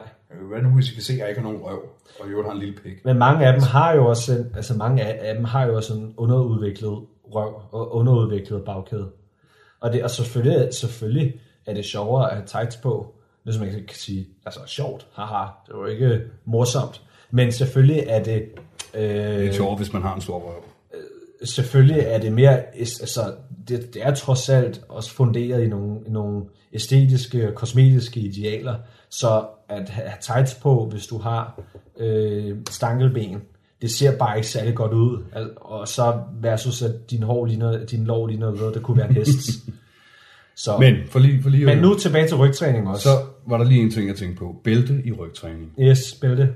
Jeg er fan. Du er generelt fan af bælte, men du ved også, hvornår man ikke skal bruge det. Og der er nemlig steder, hvor det skal vælges fra, og andre steder, hvor man bør vælge det til. Ja, men Et af de eksempler, jeg kan, jeg kan give, det. det er, jeg vil, jeg vil aldrig bruge bælte i pull-ups for eksempel. Og der bruger jeg altid bælte. Og der bruger du altid bælte. Altid bælte. Jeg har forsøgt mig med det, og jeg kan godt mærke, at den overførbarhed, det giver at lave dig intraabdominalt tryk, det, man bliver stærkere, bla bla. Og øh, Men det stjæler- proprioception også. Ja. Men jeg føler også, at det stjæler for meget luft i forhold til, øh, til at det, der er Ja. compliance i lortet. Men uh, Yatro, der Ja. bruger jeg bælte. Jeg bruger dem ikke i uh, dumbbell rows. Nej. For mit vedkommende dumbbell rows har jeg typisk brugt bælte. Men jeg kan også huske, at jeg har haft nogle af de her store dumbbell row dage, som jeg kalder dem, de her 15-20, nu siger jeg 15, jeg ved sgu ikke, om jeg nogensinde har noget med 15, jeg tror altid, det har været, Ja, omkring 20 jeg tror faktisk altid, det har været 20 sæt. Ja. Måske har det enkelte gange været Det sagde 15. du til mig, da jeg skulle lave det første gang. Gå efter 20 sæt. Ja, jeg tror, også, jeg tror, at, jeg tror altid, det har været. Så er jeg kommet til 15, og så har jeg tænkt, jeg skulle så godt tage 5 til, så jeg nu Ja. tager 20. Og øh, der har jeg ikke altid haft bælte på, men tit har jeg. Men det har været lidt varieret. Og nogle gange har jeg faktisk også lavet den kun i t-shirt, og andre gange ikke. Så det har været sådan lidt mere... Hvor, hvor du, du startede, og så da du kom op omkring 10. sæt eller sådan noget, så tog du bæltet af. Ja, så nogle gange. Så var det mere om at få luft, simpelthen. Men så har det typisk været senere end de 10. sæt, så har det været sådan noget 12-13 sæt, tror jeg. Øh, hvor vægtene så er blevet det lettere. Fordi man kan sige, sådan en stor dumbbell row marathon, der vil den, den, den tungeste vægt vil nok være en, en 90 kilo. Som, og det, det er det tungeste, man efter min vurdering meningsfuldt kan køre pænt. Altså hvor det ikke er cheatende uforholdsmæssigt. Altså fordi man kan sige, når jeg har dumbbell row 115 kilo, altså 105, 110, 105 kilo, så er det selvfølgelig med, det, med fokus på at flytte vægten fra A til B. Croc row. Det er, ja, men jeg vil ikke kalde dem croc rows, fordi han har ikke opfundet dem. Altså hvis man endelig skal kalde noget, så skal man kalde dem Cheat rows. nære Barbarian Rows. Det var i høj grad Barbarian Brothers, der, øh, skal vi kalde det, opfandt kombinationen af tunge, tunge dumbbells og høje reps i dumbbell rows. Og det var ved Gud også med cheat, altså masser af Jo, bevægelse. jo, men, altså, men Og det handler om altså, altså, folk, folk, vægten de, fra A folk de til har B. et, øh, et, et koncept om, at cheat er, det, så gør man noget forkert. Det kommer igen an på compliance. Du kan, du kan cheat rigtigt, eller du kan cheate på din cheat. Ja. Ikke? Og, Og Arnold curls, det er sådan en helt anden historie. Og så man kan sige, de, de dumbbell rows, altså i dag, når jeg laver dumbbell rows, så er det ikke tungere, det er meget sjældent tungere. Vi, vi har jo vores øh, skrædderbyggede øh, behemoth, masterpiece of construction, den perfekte vægt til dumbbell rows, den her på knap 83 kilo, som er lavet af 10 kilo skiver, så den har de perfekte dimensioner til en dumbbell row. Og det vil jeg sige, i praksis, der udgør den finere grænse til, er, med, med pæn teknik, eller to sekunder excentrisk, en lille smule hold i toppen, der giver det meget god mening med, med de, de knap 83. Men snakker vi de der 100, 100 kilo plus, så er det typisk noget med at få vægten fra A til B. Og, øhm, og det er jo sådan noget lidt noget Ronnie, Ronnie Cole, Cole Manonian, mere noget Branch Warrenonian, Branch Warren Branch Warren, Branch Warren-esk, skriger og råber falder hesten. og noget øh, Barbarian, bro, Barbarian, Brotheronian. Barbarian Brotherly øh, og rykke vægten fra A til B, og forstå mig ret, det er jo også skide hårdt, og det er effektivt. Men det er ikke, øh, det har sin tid, det har sin, det har sin plads, det har sit sted, og det er det. Men det er ikke den, det er ikke den bedste rygtræning, du kan lave. Altså den bedste rygtræning, det vil være på din tunge sæt at lave moderat cheat. Mm. Men ellers vil jeg ikke på de der double rows i øvrigt lave konsekvent cheat. Og hvis vi snakker sådan en høj volumen, så skal det være med, med nu snart sidder vi øvrigt og snakker dumbbell rows igen, men fint nok, men det skal jeg nok røre på senere ved en, ved en dedikeret podcast til, øhm, til dumbbell rows.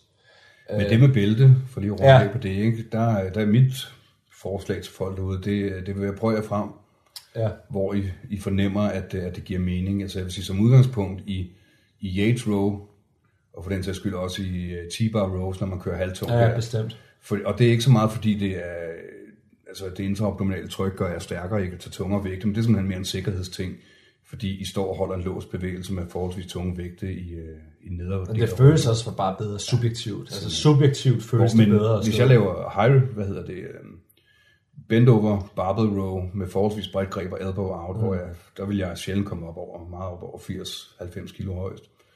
Men en øvelse, Men der, der vil, jeg, der vil jeg ikke have bæltet på, fordi der vil det afklemme Ja. ja. meget luft. Men hvis jeg skal hen og lave nogle rigtig tunge pendy rows, det er sjældent, jeg bruger dem, men det er en, en god øvelse til low rep, tunge smadrekasse rows, hvor det bare handler om at flytte den til A til B, hvor jeg skal op på en eller anden 120 kilo eller sådan noget.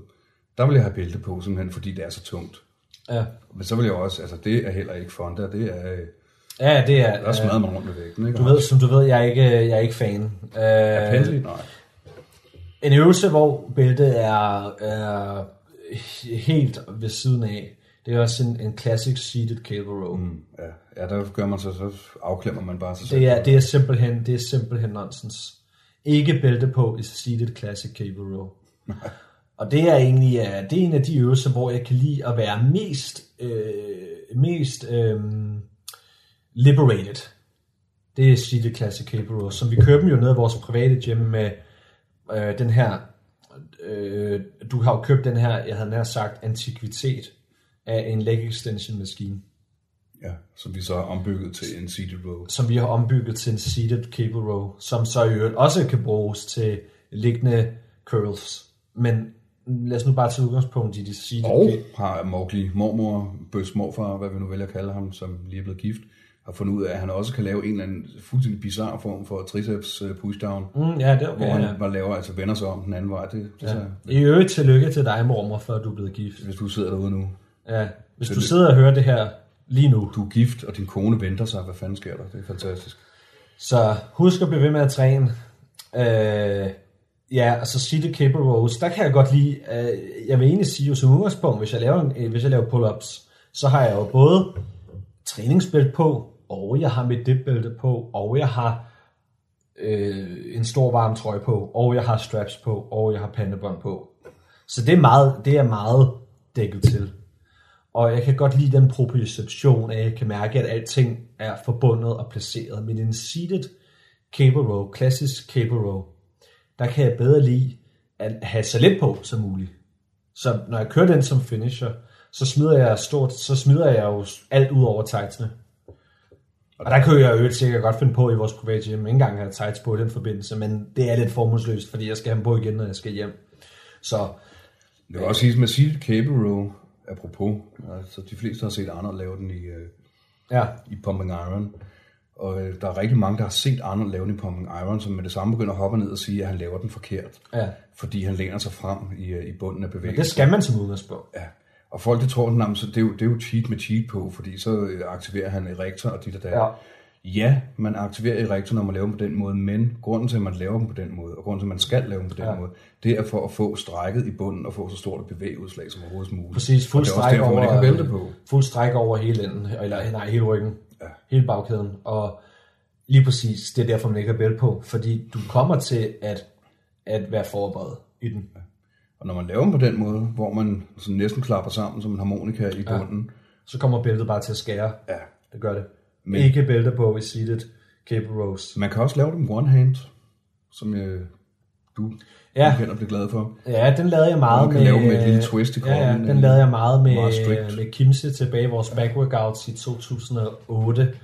Der var det meget, i, og det var i sådan en, det var i sådan en uh, techno gym, hvor man kunne, du kunne højde regulere, du kunne højde indstille pulsen. sådan en dobbelttårn, ja. Det var ikke dobbelttårn. Eller hvordan mener du dobbelttårn? Nej, det var ikke sådan en dobbelttårn. det, ja. Det var øh, bare en højdejusterbar pulley. Så du kunne, godt, du kunne både lave den til pushdowns, du kunne sætte den højt til at lave pushdowns, og, øh, og du kunne sætte den lavt til at lave øh, standing cable curls for eksempel. Men hvis du satte den lavt der, så kunne du så i sagens natur også lave one arm cable rows. Og der skulle vi heller ikke have på. Fordi der sidder man og laver lidt den samme, som andre også laver i pumping iron, hvor du kommer til at være forbøjet, og du får stræk over ryggen. Og der handler det netop om, fordi du kører med one arm, hele pointen med at køre med one arm på den måde, er, at du kan få et yderligere stræk over ryggen, som du ikke kan få med two arm. Så det er lige præcis pointen med den øvelse. Øh, det, er bare, det, er ikke, det er ikke rigtig en øvelse, jeg egentlig programmerer med. Den er okay, men den kræver også, at hvis den skal give mening, så skal man også kunne lave den rigtigt. Og hvis jeg skal sætte folk til at lave den, så vil det være sådan, sådan en udramatisk finisher af et par sæt, to-tre sæt, hvor øh, der ikke er et, et træningsudbytte, der på den måde afhænger af, om de afvikler den rigtige eller ej. Øhm, og Jeg må indrømme, det er sjældent, jeg bruger den. Meget sjældent. ja, Fordi så vil jeg egentlig hellere lave den two-handed med Batmobilrettet, Arnold-metoden, og så køre den high rep, altså 20 op til 50 reps, ja. eller lave drop sets i den. Det kræver sådan en spotter, ikke? Men Problemet er jo også, at, at og simpelthen også bare tidsmæssigt, high rep udtrap. at du laver et high rep sæt til en ene side, så skal du det til den anden side. Ja, Men der er ikke den samme metaboliske stimulus forbundet med det, som der er på dumbbell rows. Så det, der er fordelen ved dumbbell rows, ja. er, at den er one arm, Ja. men, men et sæt belaster hele kroppen. Ulempen ved seated one arm cable rows, det er, at du laver en one arm, men den belaster ikke hele kroppen. Så du laver den ene side, og så skal du lave den anden. Så det er en del øh, ekstra arbejde, også i forhold til tiden, du bruger på det. Og øh, så er der sådan noget som, øh, altså du har også kørt de her, øh, altså sådan noget som, øh, nogen, nogen vil jo kalde det, det er jo egentlig primært skuldertræning, men altså upright rows, det er en udgangspunkt er, lad være med at køre dem. Lad være med at køre upright rows. Der er alt for stor risiko for afklemningssyndrom, altså impingement i skuldrene. højre fra dem. Men du har jo nogle gange kørt sådan en high row med dumbbell. En one-arm high row. Ej, det vil jeg kalde en high row. En high row for mig, det er en, altså en ovenfra ned bevægelse i en hammer stretch. Ja, Nej, jeg har kørt en, en slags upright row, one-arm dumbbell upright row, som er en lille smule foroverbøjet. For at, øh, er det den, du kalder medals rows? Eller Nej, nej, nej. nej, nej hvad? Nej, metal row, den laver du på en, øh, en, en T-bar, en machine T-bar, Nå. hvor man står, man skal forestille sig, hvis vægten peger på dig, så ja, det, det er en lorteøvelse, der er ingen grund til Nej. at være at lave den.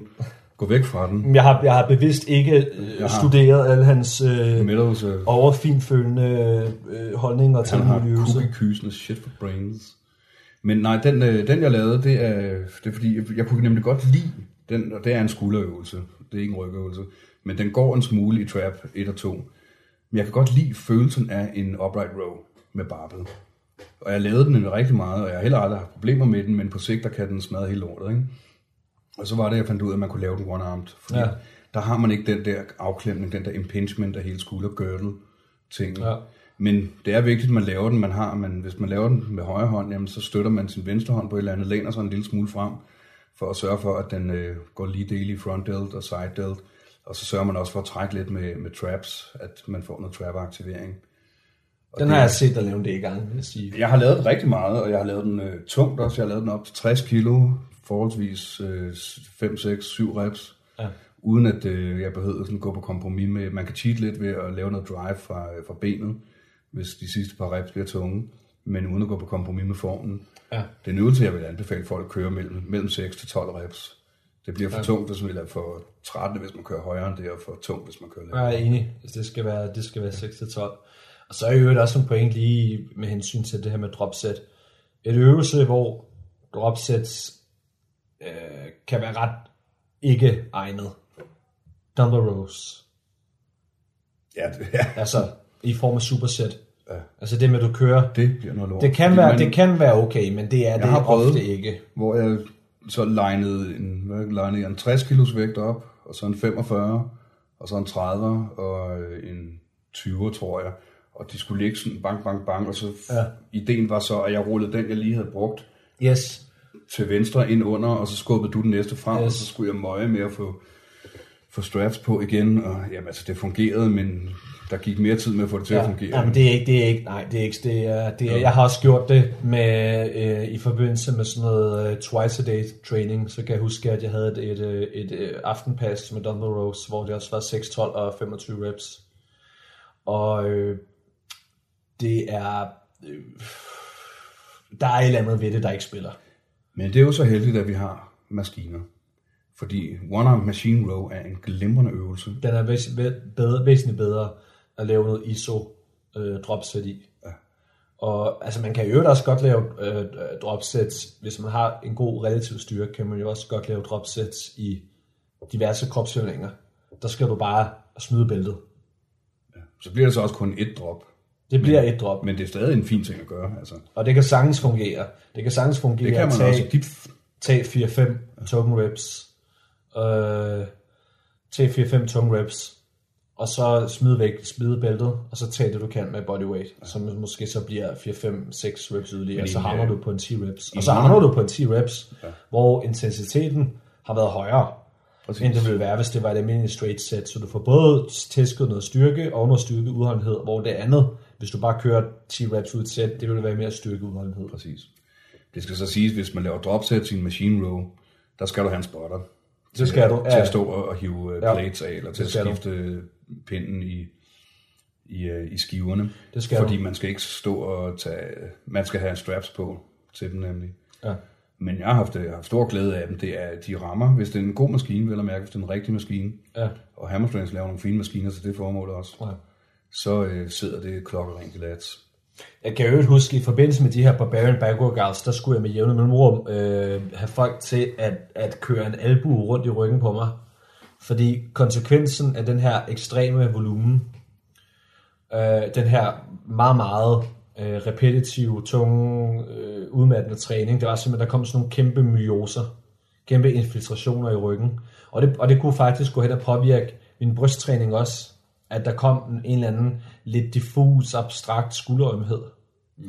Og måden at løse det på dengang, måden jeg løste det på dengang, det var, at en anden person løste det på den måde, at jeg var nødt til at lægge på maven, og så var, øh, skulle jeg have en til at køre en elbu rundt i ryggen, typisk et sted omkring low traps.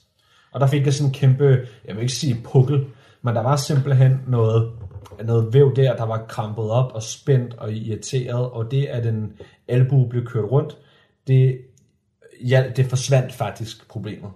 Der kan jeg sige den forbindelse. Jeg stået, Primært typisk højre side, sjovt nok. jeg, har, jeg har stået og kørt min albu rundt i, i Simons ryg på den, på, på den måde. Ja, det har du. Det er rigtigt. Du Og jeg blev den sådan svært imponeret over din smertetærskel. Fordi øh, jeg har enormt spidse protruding elbows og vejer 110 kilo, og du bliver bare ved med at sige, du kan roligt lægge mere vægt på. Hvor jeg tænkte, hvis jeg havde gjort det her på et normalt menneske, så ville vedkommende være besvimet af smerte nu. Sådan, øh. og det er jo så ikke toksisk maskulinitet. Det er, det er Ja, bare det, jeg tror, det er bare altså det her transfer. med, med altså det her med smerte, jeg har det jo grundlæggende sådan, at, at hvis jeg ved, at smerten, altså så længe en smerte ikke er farlig, så længe det er bare smerte, et smertesignal, mm. Så er det ikke rigtig noget, jeg, jeg tager mig af. Øh, det, er, det er interferens, det er... Det er lidt ligesom uh, Terminator, der siger, I register injury. I suppose that is what you could call pain. Det er, det er en obstruktion, det er en interferens, men det er ikke brugbart. Og, øh, men hvorimod ting, der er, er, er farlige, er jo meget ops på at øh, fange det i opløbet, identificere altid trusler osv. Ja, det er rigtigt. Hvis uh, Shooter har ondt i maven, så tror han, at uh, Ja, så er er døden nær. er inkapaciteret. Øhm, nej, ja, og altså, jeg tror sagtens, jeg kunne, øh, jeg kunne sagtens falde i søvn, øh, mens jeg fik sådan en dy, dybvævsmassage. Sagtens. Altså, en ting er, at jeg ville blive vækket af, når man så skulle skifte side, eller øh, jeg skulle have, have en eller anden lidt, altså, meget, meget lidt aktiv rolle i det, i forhold til at skulle løfte armen eller eller andet. Okay, så vil jeg nok vågne, men for så vidt angår selve det at blive trykket ekstremt hårdt og kørt rundt og så videre, det kunne jeg sagtens i søvn. Det kan, men vi kan jo nævne at i hvert fald, at hvis man har bøvl med myoser i forbindelse af rygtræning, og det skyldes stramhed i musklerne, og det gør det stort set altid, Ja. at selvfølgelig skal man arbejde med strækøvelser, med hangs, som dit og dat, som vi har været inde på. Men øh, dybvævsmassage, active release teknik og de her ting, som der er folk derude nu, der er begyndt at blive højt specialiseret og uddannet i, det kan varmt anbefales. Jeg har tilbagevendende problem med inflammation i øh, mine biceps, biceps tendons, og det har Simon arbejdet med, simpelthen ved at, øh, at give mig sådan en, øh, nu smadrer jeg din arm totalt massage, som gør ufattelig ondt, men, øh, men det fungerer. Jamen det er, og jeg ved, jeg ved, at lige nu sidder der nogen derude af de her skeptikere. Ikke? De, the, the, the skeptics. Det er dem, der gerne har et Facebook coverfoto med et eller andet øh, scientist quote om et eller andet om en eller anden videnskabsmetode, eller hvad en eller anden øh, øh, tænker har sagt om et eller andet videnskabeligt princip, eller et eller andet med The greatest doubt in, uh, is that we don't know, et eller andet. Og, og The greatest doubt we will ever have is the doubt that we doubt. is the doubt that we are great. Eller det er et billede af Albert Einstein, og så Ja. står der, I never said that. Og det er de her, jamen det er de her øh, altså skeptikere, der, der, der, altså der er en, der er en, en stor afstand mellem øh, praktikere og så de her armchair experts. Og øh, der er bare en, det er to forskellige verdener og to forskellige måder at gå til træning på. Og øh, det handler ikke om, at man skal abonnere, abonnere på Bro Lore og Bro Science og Muscle and Fitness' øh, Tip of the Month og øh, hvad Arnold, der skriver i sin Bodybuilding Encyclopedia, at man skal flex sin quads mellem squat set for at bring out the striations. og separations, ja. Men man skal ikke tro, at man får svaret hos armchair experts. Og jeg kan, Problemet- fordi det er de samme mennesker, der sidder og siger, har du evidens for, at, at himlen er blå? Ja.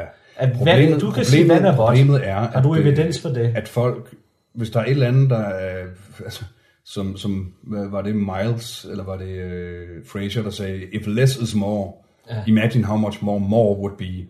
Og da danskerne opdagede Webergrillen, der skulle folk også tage det til sin absolut mest bizarre konklusion at stå og grille øh, juleanden i Webergrillen i minus 20 graders frost. At folk har fundet ud af, at science, det er the shit. Science, det er fedt. Det er sjovt, og det er fedt at være ateist, og det er fedt at tro på science. Science, fuck yeah. Og så sker der jo tit det, at man kommer til at komme over, og øh, Ja, det bliver militant. sådan himlen er blå. Ja. Jamen, hvad baserer du den opfattelse på? Har du evidens, og kan du føre mig hen til et øh, double ja. peer pressure, blindfolded øh, Meta-review. meta fucking check, fuck, fuck. Med en impact factor af Og dit og 500. Ja. Og, Og selv- og- så, så, altså, og i den anden grøft, og i den anden grøft, der står der så netop de der blow science idioter og fortæller dig, at du kan få en, en større padkasse af at lave pullovers. Ja, præcis. Og, men det, det, man jo ikke skal tage fejl af, det er, at nogle gange så ender det med, at de her bro-folk, de rent faktisk havde ret. Og, Ja, fordi de- de fordi de, efter der var noget intuition, der var noget intu- intuition og instinkt, og også nogle gange ramte de forkert, men det er også det er risikoen ved at påstå noget. Og komme med en påstand og komme med et claim og Arnold, det. Arnold zonede ind on the pump, fordi the pump føltes godt. Og man kan sige, at The Pump isoleret set er jo ikke... The Pump isoleret set Er ikke en i, bringer. i stringent, stringent isoleret set er ikke noget, der hjælper dig. Men The Pump kan være et produkt af udtrapning, mm-hmm. øh, iskemi, metabolisk belastning, akkumulering af mælkesyre osv. osv. Alle sammen ting, og korte pauser mellem sæt, alle sammen ting, der hænger sammen med effektiv hypertrofitræning. Ja. Så, så hvem havde ret? Er det, er det, er det øh, øh, ham, der sidder på Facebook dag, dagen lang og jerker off til videnskabsquotes og ser Richard Dawkins videoer, øh, øh, som lige har nogle holdninger til træning? Er det ham, der havde ret, da han sagde, at øh, pump er ikke en hypertrofifaktor? Eller var det egentlig Arnold? Og det viste sig, at det var Arnold, ikke? Fordi som du selv siger, Det kunne det man første, lige præcis hvis, hvis, det du, hvis du laver flat barbell bench press, og du får et pump i patterne, jamen så er der sgu nok en god, rimelig god indikator. Der er et lille ord her. Ja. Indikator Husk på, at, at du rent faktisk har ramt patterne. Og så er det jo sikkert en god øvelse at træne patter med for dig. Ikke sikkert, det er det for andre, og det er det samme skisma, som der også har været diskuteret til døde på alle mulige netfora omkring DOMS. Mm-hmm. Så sidder der den her smarte, smartass, som har læst et eller andet sted, at DOMS er ikke en, en, øh, en indikator for hypertrofi. In and of itself, nej, selvfølgelig er det ikke det. Men hvis du har pisse ondt i quads dagen efter, du har squattet 10 sæt, så er det sgu nok, fordi du har ramt quads. Så nej, du Jeg får kan i hvert fald bare legs. sige så meget, at DOMS er ikke et bevis, men det kan nogle gange godt være en indikator for hypertrofi. Præcis. Og, og jeg vil så øvrigt også sige, at øh, Det er ikke kausalt, der, men er, det er der er korrelativt. paradoxalt, der er øh, påfaldende nok også en vis sammenhæng mellem, at rigtig mange gange i løbet af sin træningskarriere, og har haft meget ømme muskler, og så at man er massiv. og øh, det, det er ikke et bevis, DOMS er ikke et bevis, men gode, massive, effektive rygtræninger har produceret DOMS for mit vedkommende, selv med en frekvens, der ikke var øh, lav. Øh, en gang om ugen med 50 sæt ryg er ikke en lav frekvens, for det bliver siddende i kroppen i meget lang tid. Snakker i to uger mellem, det er en anden snak. Så vil det måske køre doms, men ikke Det er, jo, det, er også, det er jo tilbage til hele frekvens versus volumen versus intensitet spørgsmål. Mm. Og nu vi taler om rygtræninger. Hvis man træner ryg tre gange om ugen, jamen, så skal man selvfølgelig ikke køre øh, Simonian Power Volume for Nej. fuld blæ. Så kan man godt klare, jamen, altså, du siger, du rammer 50 sæt på en workout. Ja, hvis du fordeler de 50 sæt ud over fire træninger, Ja, det er selvfølgelig en uge, Ja, så, jamen, så er, skal du tage 12 sæt per gang, hvor lige det behøver du ikke engang. Fordi du ja. også kan justere på intensiteten. Men det her med skeptikerne, da, da du tidligere talte om, om, om yoga, Korrelation og, er ikke kausalitet. yoga og, og udstræk og mobilitet og sundhed og den slags, det er jo, at, at de vil jo sige, hov, hov, undskyld mig. Nej, de vil ikke sige undskyld, fordi det, det er ikke en del af den, det er ikke en del af metoden. De vil nærmere sige evidens, komma, tak, punktum. Så, så hvor er din evidens for, at yogas udstrækkelse er sund? Og der er for så vidt nok heller ikke særlig meget, og øh, der vil også være nogle, øh, der vil være nogle spørgsmål om, nej, men er det så fordi folk, der jo går til yoga, i øvrigt jo lever sundere, køber økologisk, øh, spiser psylliumfrø, damper deres broccoli, øh, ikke Så må man gerne junk. bruge det, jeg vil kalde anvendt logik. Applied logics. Hvilken indvirkning har broccoli på din øh, mobilitet? ikke en skid. Broccoli gør intet ved, om du har ondt i skuldrene eller ej. Men broccoli... Nej, det kunne man jo så teoretisk for- set anføre ja, nogle det kommer nu. Det kommer. Broccoli, fordi det medvirker til, at det giver dig nogle nutrienter, der er gode, Ja, ja, ja, dit præcis. gør, at du måske kan helbrede dig frem og så videre. Men du får ikke mere mobile led af at spise broccoli. Nej, du, altså det er ikke det, din yogaserie bliver ikke forbedret af, at du spiser broccoli. Nej. Men det er så et eller andet sted, kan du også bare Det er det sige, holistiske, der, der kommer der er bare her. noget, der er bare øh, ret mange, altså eksempler på ret mange ting, hvor man øh, sagt forkert, formuleret forkert, måske ikke med den helt sådan klare vej fra A til B, eller så har man øh, det, det at være in the trenches, og opdage og mene nogle ting, hvor du ikke kan henvise til en eller anden double blind, double blind, øh, double blind, øh, Peer review. øh, placebo, pixie, where's my mind, et eller andet øh, study, PubMed? og impact factor, et eller andet, og det kan du ikke nødvendigvis, men nogle gange er der, har der bare været noget intuition og noget logik og så videre, som har været applikeret, og som jo har virket. Ellers så senere fandt man ud af, at når det virkede egentlig, det kan godt være, at betragtningerne omkring det ikke var rigtige forklarings, altså for mekanismerne, det, det forsøg på en anden mekanistisk forklaring, det var, øh, det var forkert. Men man havnede stadig ved noget, der havde, der havde værdi. Jeg kan også garantere dig for, at der vil sidde Der er lidt Den- serendipity over det der. der vil sidde nogen i The Science Crowd nu. The Science Crowd. Eller det er jeg ikke engang sikker på, de vil, fordi jeg er ikke sikker på, at de, de kommer igennem sådan en podcast som den her. Øh, fordi der er jo ikke henvisninger hele tiden til PubMed. Men øh, der vil sidde nogen og sige, jamen det er jo en forkert måde at træne på. Du skal ikke cheate, fordi det er en forkert måde at træne på, så stimulerer du ikke de rigtige muskler. Øh, der vil være folk, der sidder og tænker, jamen du skal ikke køre 50 sæt, fordi øh, du behøver kun 8.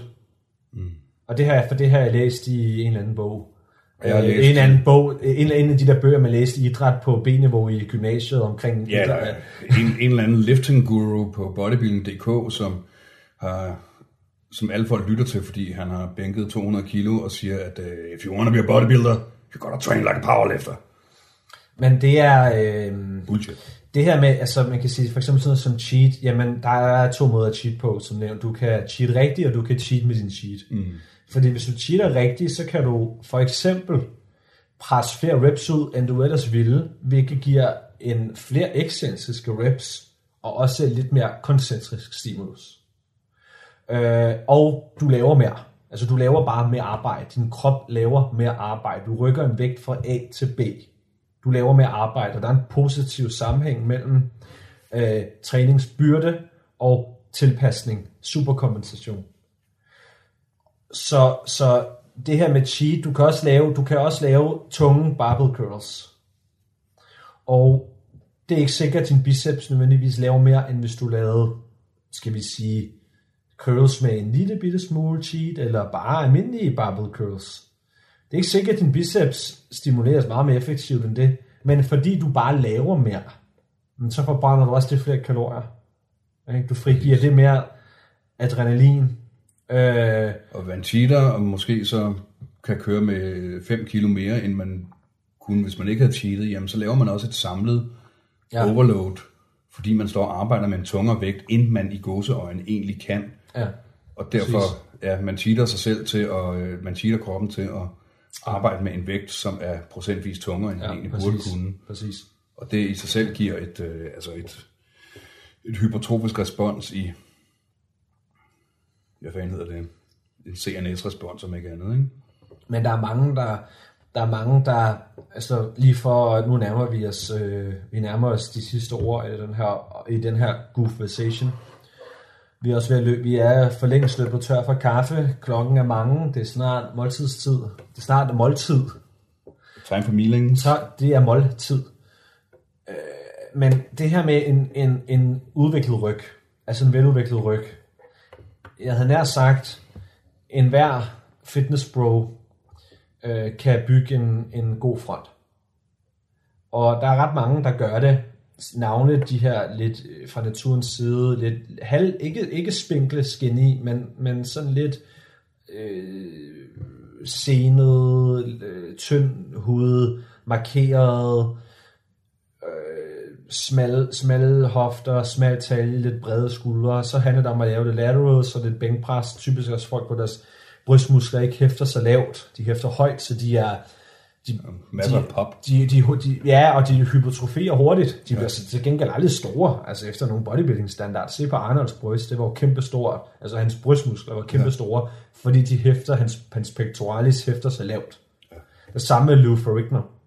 Modsat Frank Zane, som har, hvor hans bryst sad, hans brystmuskel hæftede langt højere. Så der er, ret, Steve Reeves, for den sags skyld også. der, der er ret mange, der har en, o- en sådan umiddelbart OK front, fordi fronten byder egentlig ikke på så meget. Du skal have, øh, altså, en, en, en halvtynd arm, det kan godt kamufleres forfra. Det, der kan du ikke se, hvor tyk din triceps er. Øh, så du skal have lidt, du skal have lidt side delts, du skal være markeret, så man kan se dine abs, helst en 8-pack hvis muligt, og så skal du have udviklet dine pecs, og det gør du nemt, hvis de hæfter højt. Men en ryg kan du ikke snyde med. Altså en, a back always tells the truth. øh, og ryggen kan du sgu ikke snyde med. Og en, en god ryg er en, der er velhypertroferet across the board.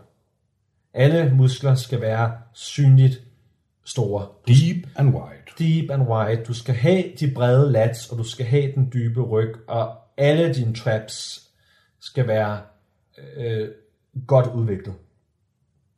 Og der er ikke noget galt i, altså man kan sige, du skal ikke være bange for, at dine upper traps bliver for store. De, de vil have, de vil være begrænset nogle hypertrofi. Der er nogle, der er nogle hypertrofibegrænsende faktorer og omstændigheder, som gør, at dine traps aldrig bliver ekstremt store. Altså, det, du skal ikke træne dem, øh, du skal ikke undgå at træne dem i en eller anden, du skal ikke undgå power shrugs eller dødløft, fordi du er bange for, at oh, så er der et mismatch mellem dine upper traps. Lad dine upper hvis, man, traps hvis man kører, så store, som hvis man kan. kører begrænset træning, og hvis man har, kun har tid til tre full body træning om ugen, ja. så er det ikke shrugs, der står det er på bestemt ikke prioriteringslisten. Nej. Fordi hvis sådan en full body program, Men det er dødløft. dødløft, og dødløft træner også Ja, traps. bestemt. Og det er for den sags skyld også low, altså øh, øh, trap 2 og 3, ja. men selvfølgelig også trap 1. Og det er ikke noget problem. Altså så sørg få hypertroferet trapsene fuldstændig, og hvis du laver din dumbbell rows rigtigt, hvis du laver din dumbbell rows rigtigt, så går de sublimt i low traps, og ikke i upper traps. Så hvis du laver din dumbbell rows, og du bliver du får doms dagen efter i trap 1, så har du gjort det forkert. Men en, Hvis du laver ryg- bækpres, og din spotter for doms i trap 1, så øh, er du idiot. Så en bred ryg, det vil sige bred lats, fuld udvikling af, af dine traps, rhomboideus, teres osv. Din ryg skal være et, øh, et meget synligt anatomi, Og din rear delts. anatomitegning, rear delt selvfølgelig. Træn også gerne øh, isolation for rear delts, fordi Ja, det skader ikke at have lidt ekstra hellere at du har lidt for stærke rear delts end lidt for svage, ja. fordi det er også en af de muskler, der er med til at trække din skulder tilbage og give dig en god posture. Ja. Så, og der er et hav af fede øvelser. Du behøver ikke sidde og køre i en maskine, sådan en reverse fly. Du kan sagtens køre med, med dumbbells. Chest supported reverse dumbbell fly er en fed øvelse. Ja. Kan jeg varmt anbefales. Ja, jeg har kørt altså, seated uh, bend over. Altså rear flies, som man nogen kalder dem. Seated uh, Ja. rear. Den samme bevægelse. Altså, altså, og, den er, og den er fin nok. Men det, jeg har erfaret til gengæld, det er, at med så mange, jeg kører jo virkelig, virkelig mange wide grip pull-ups. Og med så meget wide grip pull-up, jeg laver, så erfarer jeg, at jeg behøver ikke køre til posterior delts. Og jeg har også testet det ved, at efter en træning, hvor jeg har kørt, lad os bare sige, noget 10 sæt wide grip pull-ups, Så er der pump i dem. Ja. Der er pom i dem, og så har jeg prøvet at lave nogle real adults, altså noget, eller nogle real flies. Og der har jeg erfaret, at, at der var ikke noget skyde med. Der var simpelthen ikke noget at skyde med. Jamen, så er det jo også Så, ramt. så, så de er så ramt, de fået er færdige, de er, uh, the fat lady der- has, Så uh, finish the song. the fat lady has finished her, her posterior delt lige workout. kyle ind her, at hvis man, hvis man har under, hvis man har svært ved at udvikle rear delts, og der er der mange, der har. Altså jeg har været, jeg er genetisk heldig, jeg havde dem stort set, da- da jeg var lille og tynd, kunne man se mine rear delts. Så jeg har aldrig haft problem med at få dem til at poppe. Men øh, folk, jeg kender, som har haft svært ved dem, dem, de må meget gerne lave face pulls. Fordi det generelt er, det er ikke en, den store hypertroferingsøvelse, men det er en god øvelse for at, at styrke skuldrene bagtil. Og lige, lige til orientering, face pulls skal laves i et horisontalt træk, ikke en pull down. Jeg har lavet sige pull downs. Ja, det har du, men øh, det er ikke det, jeg vil kalde face pulls. Så øh, jeg får det sidste ord i den her forbindelse, og slår lige det fast med et syvtommersøm. Nej, øh, jeg tænker, vi har været igennem det, vi, øh, det der giver mening øh, for indeværende. Og umiddelbart synes jeg, at vi har været godt igennem det hele. Øh, husk, at det der, det der gør en, en der, er meget mere, der er meget mere masse på bagsiden. Der er meget mere masse på bagsiden, end der er på forsiden. Så du bør træne en hel del mere ryg, end du træner front. Noget andet er også, at skuldre og albuer generelt tåler væsentligt mere arbejde ved rygtræning, end de gør ved pressetræning. Det er ikke så tit, du hører om en, en person, der får øh, dårlige skuldre af rygtræning. Tværtimod nærmest. Det er til gengæld meget almindeligt at høre om folk, der får dårlige skuldre af brysttræning. Og det samme med øh, albuerne. Øh, der er masser af folk, der får albuproblemer af at lave extensions, altså brysttræ- brysttræning, tricepstræning, men der er nu altså færre, der får albuproblemer af rygtræning. Så det var ordene for den her omgang. Øh, conversation nummer to overstået. Og øh, vi fanger jo bare en anden god gang. Og øh, pas på jer selv derude. Hvor vi taler om brug af timian.